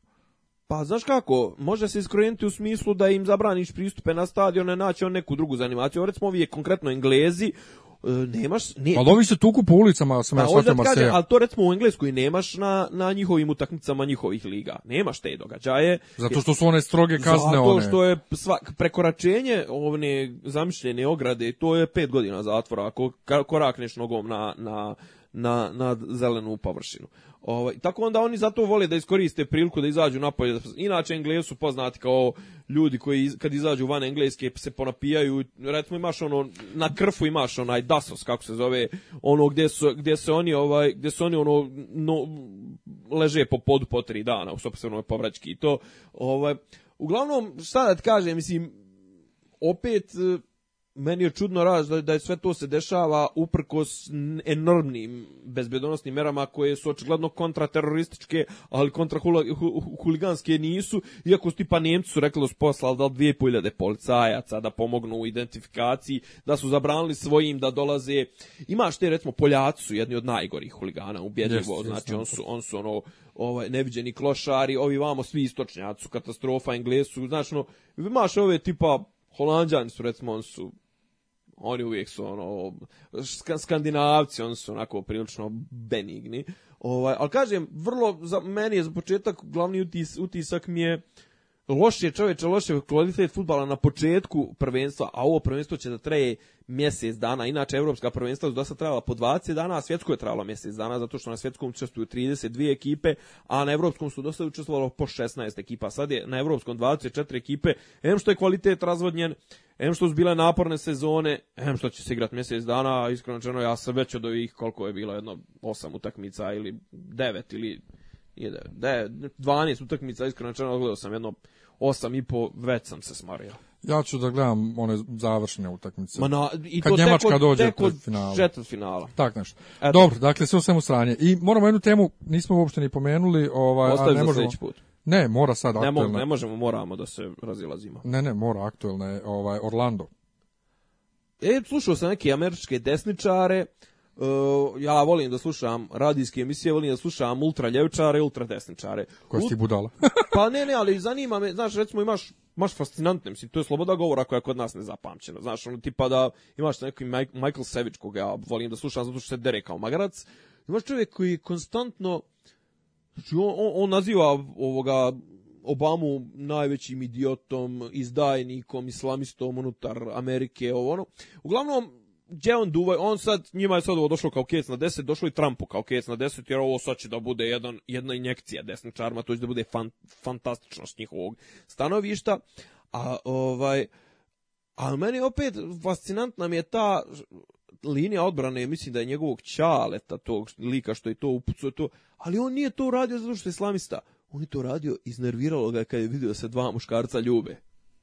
Što, pri tome, je, ipak pritome, u Americi jebeni, jebeni se. Maja, da. mislim, da. jebeni ovaj, Orlando, Florida, da. mislim, ono, znači... Javilo se inače gomila muškaraca koje on eh, start, start, on, koji kaže da on redovno dolazi u taj klub, Dobro. da je imao sve ove žive gej aplikacije. Ja da sam da je, čuo da je, da je, da je tipa, da. da je imao, da, da se dva put ženio, da je, ne znam... Ne, žena, žena mu je rekla da je bio nasilan i tako to, da. ali dakle, viđanje po tim gej aplikacijama kontaktirao je ljude, redovno je dolazio. Ali ono što mene, što mene, naš, malo, malo eh, kopka uh, kad kažeš neko je napisao neki tweet eh, hrišćanstvo je satanizovano zbog eh, kolača zbog da. torte kad nisu oni htjeli. A kad kažeš nešto kad neki musliman uradi da je to zbog ne, ne, to nije zbog islamizma e, i to nije i to, to, to, to, je to i mene recimo konstantno nervira ako sam ja ljevičar, ali kod tih ultra progresivaca, ultra ljevičara, tih liberala američkih, znači kao ne smiješ reći da je to da to ima ikakve veze s islamom i stalno upiru se da, znaš, e, šta hoću da kažem, ništa se ovde neće promijeniti nakon ovoga, apsolutno, iako je ovo najveće, najveći masovni, masovno izločin e, u SAD-u nakon nakon 9. 9. E, septembra, da. 11. septembra. 11. ne, ne, 9. 11. septembar. 11.9. Da, da, 11.9. Ovo ovaj, nakon toga, a inače što se tiče ovog eh, naj, najveći zločin ovo pojedinačnog ubice i ovo mass shooting ubedljivo na, po, po broju žrtava najveći zločin. To se nas bunja, smislu da ima više. Ne, ima ih, ali uglavnom ono do 20, 30 nikad niko nije nagurao na 50. Pazi, kako on uopšte, 50 kako on uspio da upuca pa 50 ljudi? Kaže da je bio, kaže da je pa radio u obezbeđenju on radi Jeste, bezbeđenju, da. ima, ima isku, ovaj čovjek ima trening, ima iskustvo. Ali on je upucao nije 50, on je upucao 100 ljudi. On je upucao 50 preko 100, ranio. Preko 100. Da. 50, 49, 50 je poginulo, 53 je ranjeno. Strašno. Ovaj, mislim, baš je ono, znaš, mislim da je koristio bombe, pa i nekako, ne, on je tu bukvalno sve iz jedne puške. Uglavnom, javit će se u Americi uvijek, posle ovakvih sranja, uvijek imaš dva fronta, imaš frontovih desničara koji će za, za, e, zalagati se za dodatnu liberalizaciju oružja tipa, e, da je neko u tom gej klubu imao utoku pa da ga on izroka, a zašto bi ti išao u klub sa utokom? Da. Mislim, znaš, ako ćeš ići u prodavnicu s utokom, pa jebo taj život, a iz druge strane povećajmo, zatvorimo granice, zabranimo imigraciju, bla, bla, bla to, to obavezno. On je rođen u Americi. A? on je rođen u Americi.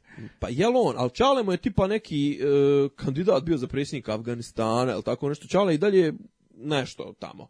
Ne znam, ovaj, a kažem, s druge strane ćeš imati ove koji i dalje nakon svega će da umiru u političkoj korektnosti, da kažu ovo nema nikakve veze sa islamom, ono tipa islamska država preuzela jebenu odgovornost za to djelo, iako ja mislim da se on kite i... i Ma da, i ne, zato što on, on je rekao, on je rekao da to ovaj, radi posveće. Da. E, ali inače, neko je okačio neki posterčić na kojem piše, posle 11. septembra Aha. u avion ne smijemo da unosimo ovaj e, ove tečnosti i ne znam ni ja šta sve ne smiješ da unosiš u avion, a i dalje imamo slobodno kupovinu oružja i sve taj da. zakon.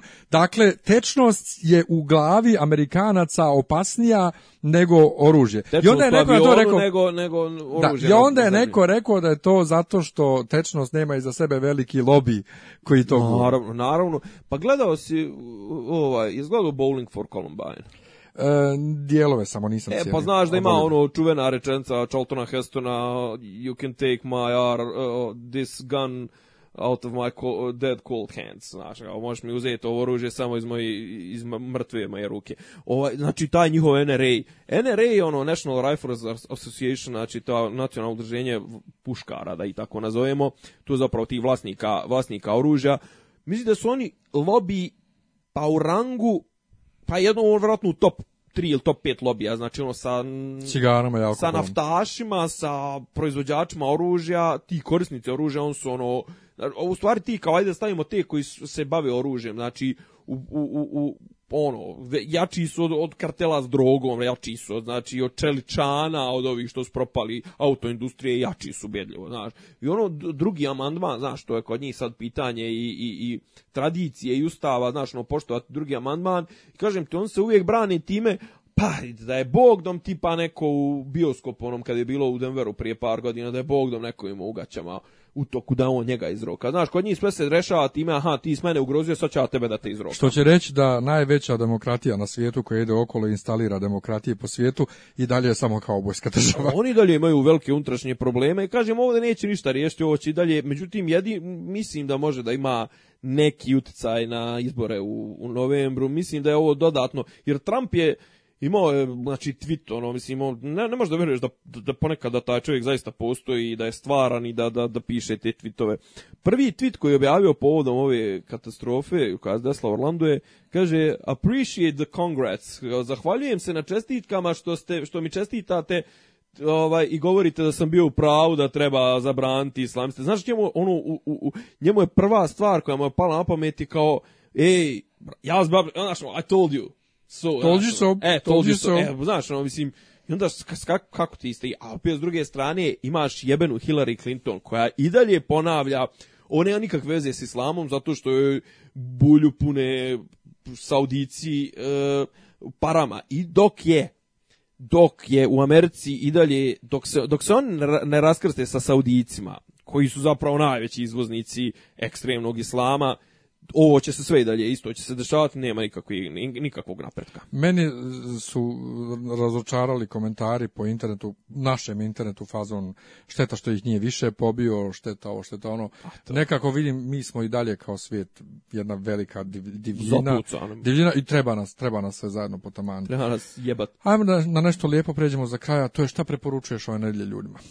jo, ja sam po drugi put sam ponovo pročitao, ja znaš da sam slab na Mađare, na mađarsku kulturu, pročitao sam knjigu, e, zapravo tip je, etnički je Mađar, ali je, ali je inače Poljak, zove se Šištof Varga, Knjigom se zove Gulaš od Turul ptice. Turul ptica je mitsko biće koje nešto predstavlja bitno u mađarskoj istoriji. Uzmite pa pročitajte. I on se razračunava se sa mitovima mađarske istorije, mitomanijom njihovom. E, razračunava se sa njihovim duhom kroz priče o mađarskim kafanama, mađarskoj kuhinji, mađarskom filmu, mađarskim svemu, otprilike je neka vrsta putopisa i neke ono društvene analize, analize duha. Tako da ovaj Gulaš od Turu ptice izdanje izdavač Kornet e, Prevod je sa poljskog, nisam baš najzadovoljniji zato što se dosta, dosta mađarskih termina se koristi, ali njihova je, ovaj, njihovo je, njihova je licenca i riba koja je zapravo koja je prevodila Milca Markić ili Mrakić, slagaću te, prevodi sa poljskog, ona zna, očigledno žena zna poljsku kulturu mnogo dobro i sad sam baš uzeo drugu knjigu njegovu, ovaj, Aleja nezavisnosti da pročitam, mislim da će se tu mnogo bolje da se snalazi jer vidim po fusnotama baš da je dobro, ovaj, dobro barata poljskom kulturom, kažem za Mađarsku očigledno nije baš neki stručnjak, ali ne smeta znači knjiga o, o, onako jedna knjiga koju ja volio da napišem o Srbima, ona otprilike da se razračunam sa srpskom mitomanijom i tim nekim promašajima. Kaže Mađar, on, on, on stalno citira Siorana koji kaže Mađar nalazi sreću u svom plaču, onaj. Zapravo Mađari su jedan narod vrlo sklon depresiji, samoubistvima, melanholiji i onda on to elaborira. Bujrum pa pročitajte. Ja bih preporučio ovaj Warcraft film, o kojem I... još ne znamo da li ćemo da snimamo podcast. Pa ne, Ova, ne da li ima ako potrebe. Je, ako je, ne, jel treš? Pa nije. A? Meni se meni se dosta dopao iskreno rečeno zato što ne znam Vidim apsolutno. da ga nisu nisu ga nešto ga nije on nije, nije nahvaljen. Nije nahvaljen, ali nije ni dosta nije ni mnogo napljuvan. Da. Rečuo sam da je više kao duž, ono, ono na, napljuvane u fazonu generički oni CGI jeftini CGI generička priča ovo ono mislim priča i u igrici generička da se ne. Pa upravo to ja nemam pojma o igrici. Ja nisam Dobro. igrao igricu, nisam čitao ništa o igrici, znam da igrica postoji, znam da je milijarde ljudi igra, ali apsolutno ništa nisam znao iz priče. Meni je film bio vrlo zabavan, CGI je jako dobar. Dakle, a, a kad čujem takve komentare, imam utisak da ljudi pričaju o CGI-u iz trailera. Pa ne, gledam CGI kao iz trailera. drva, ovo, pozadine. Ne, ne, ovo, jako onog. je, jako je sve lijepo urađeno. Dobro. Ovaj, I priča je sasvim ok, kao uvodu, nešto, Valja, nešto šire vrijedi pogledat, zabavanje. je. Dakle, meni kao nekome ko nema pojma o tome šta se, ovaj, o čemu je film, ovaj, mi su dosta dopo i čekam nastavak, tako da i to bioskopi gledate. Ništa, to bi bilo to, mi se vidimo već sutra, preko sutra sa podcastom gotov, Igra gotov. prestola, osma, pred, predposlednja epizoda, ovaj, lagano se zahuktava, završava, a sledeći redovni podcast sledeće nedelje. Hvala na pažnji, čao. Ćao.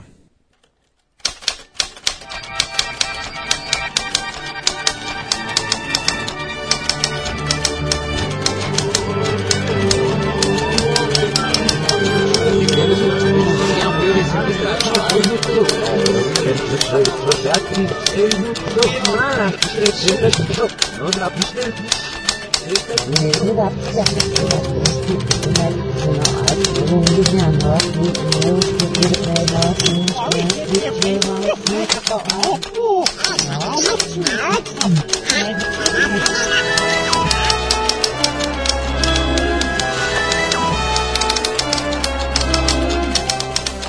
Dopisi iz Disneylanda. Tišina tamo, ništa mi nije smešno.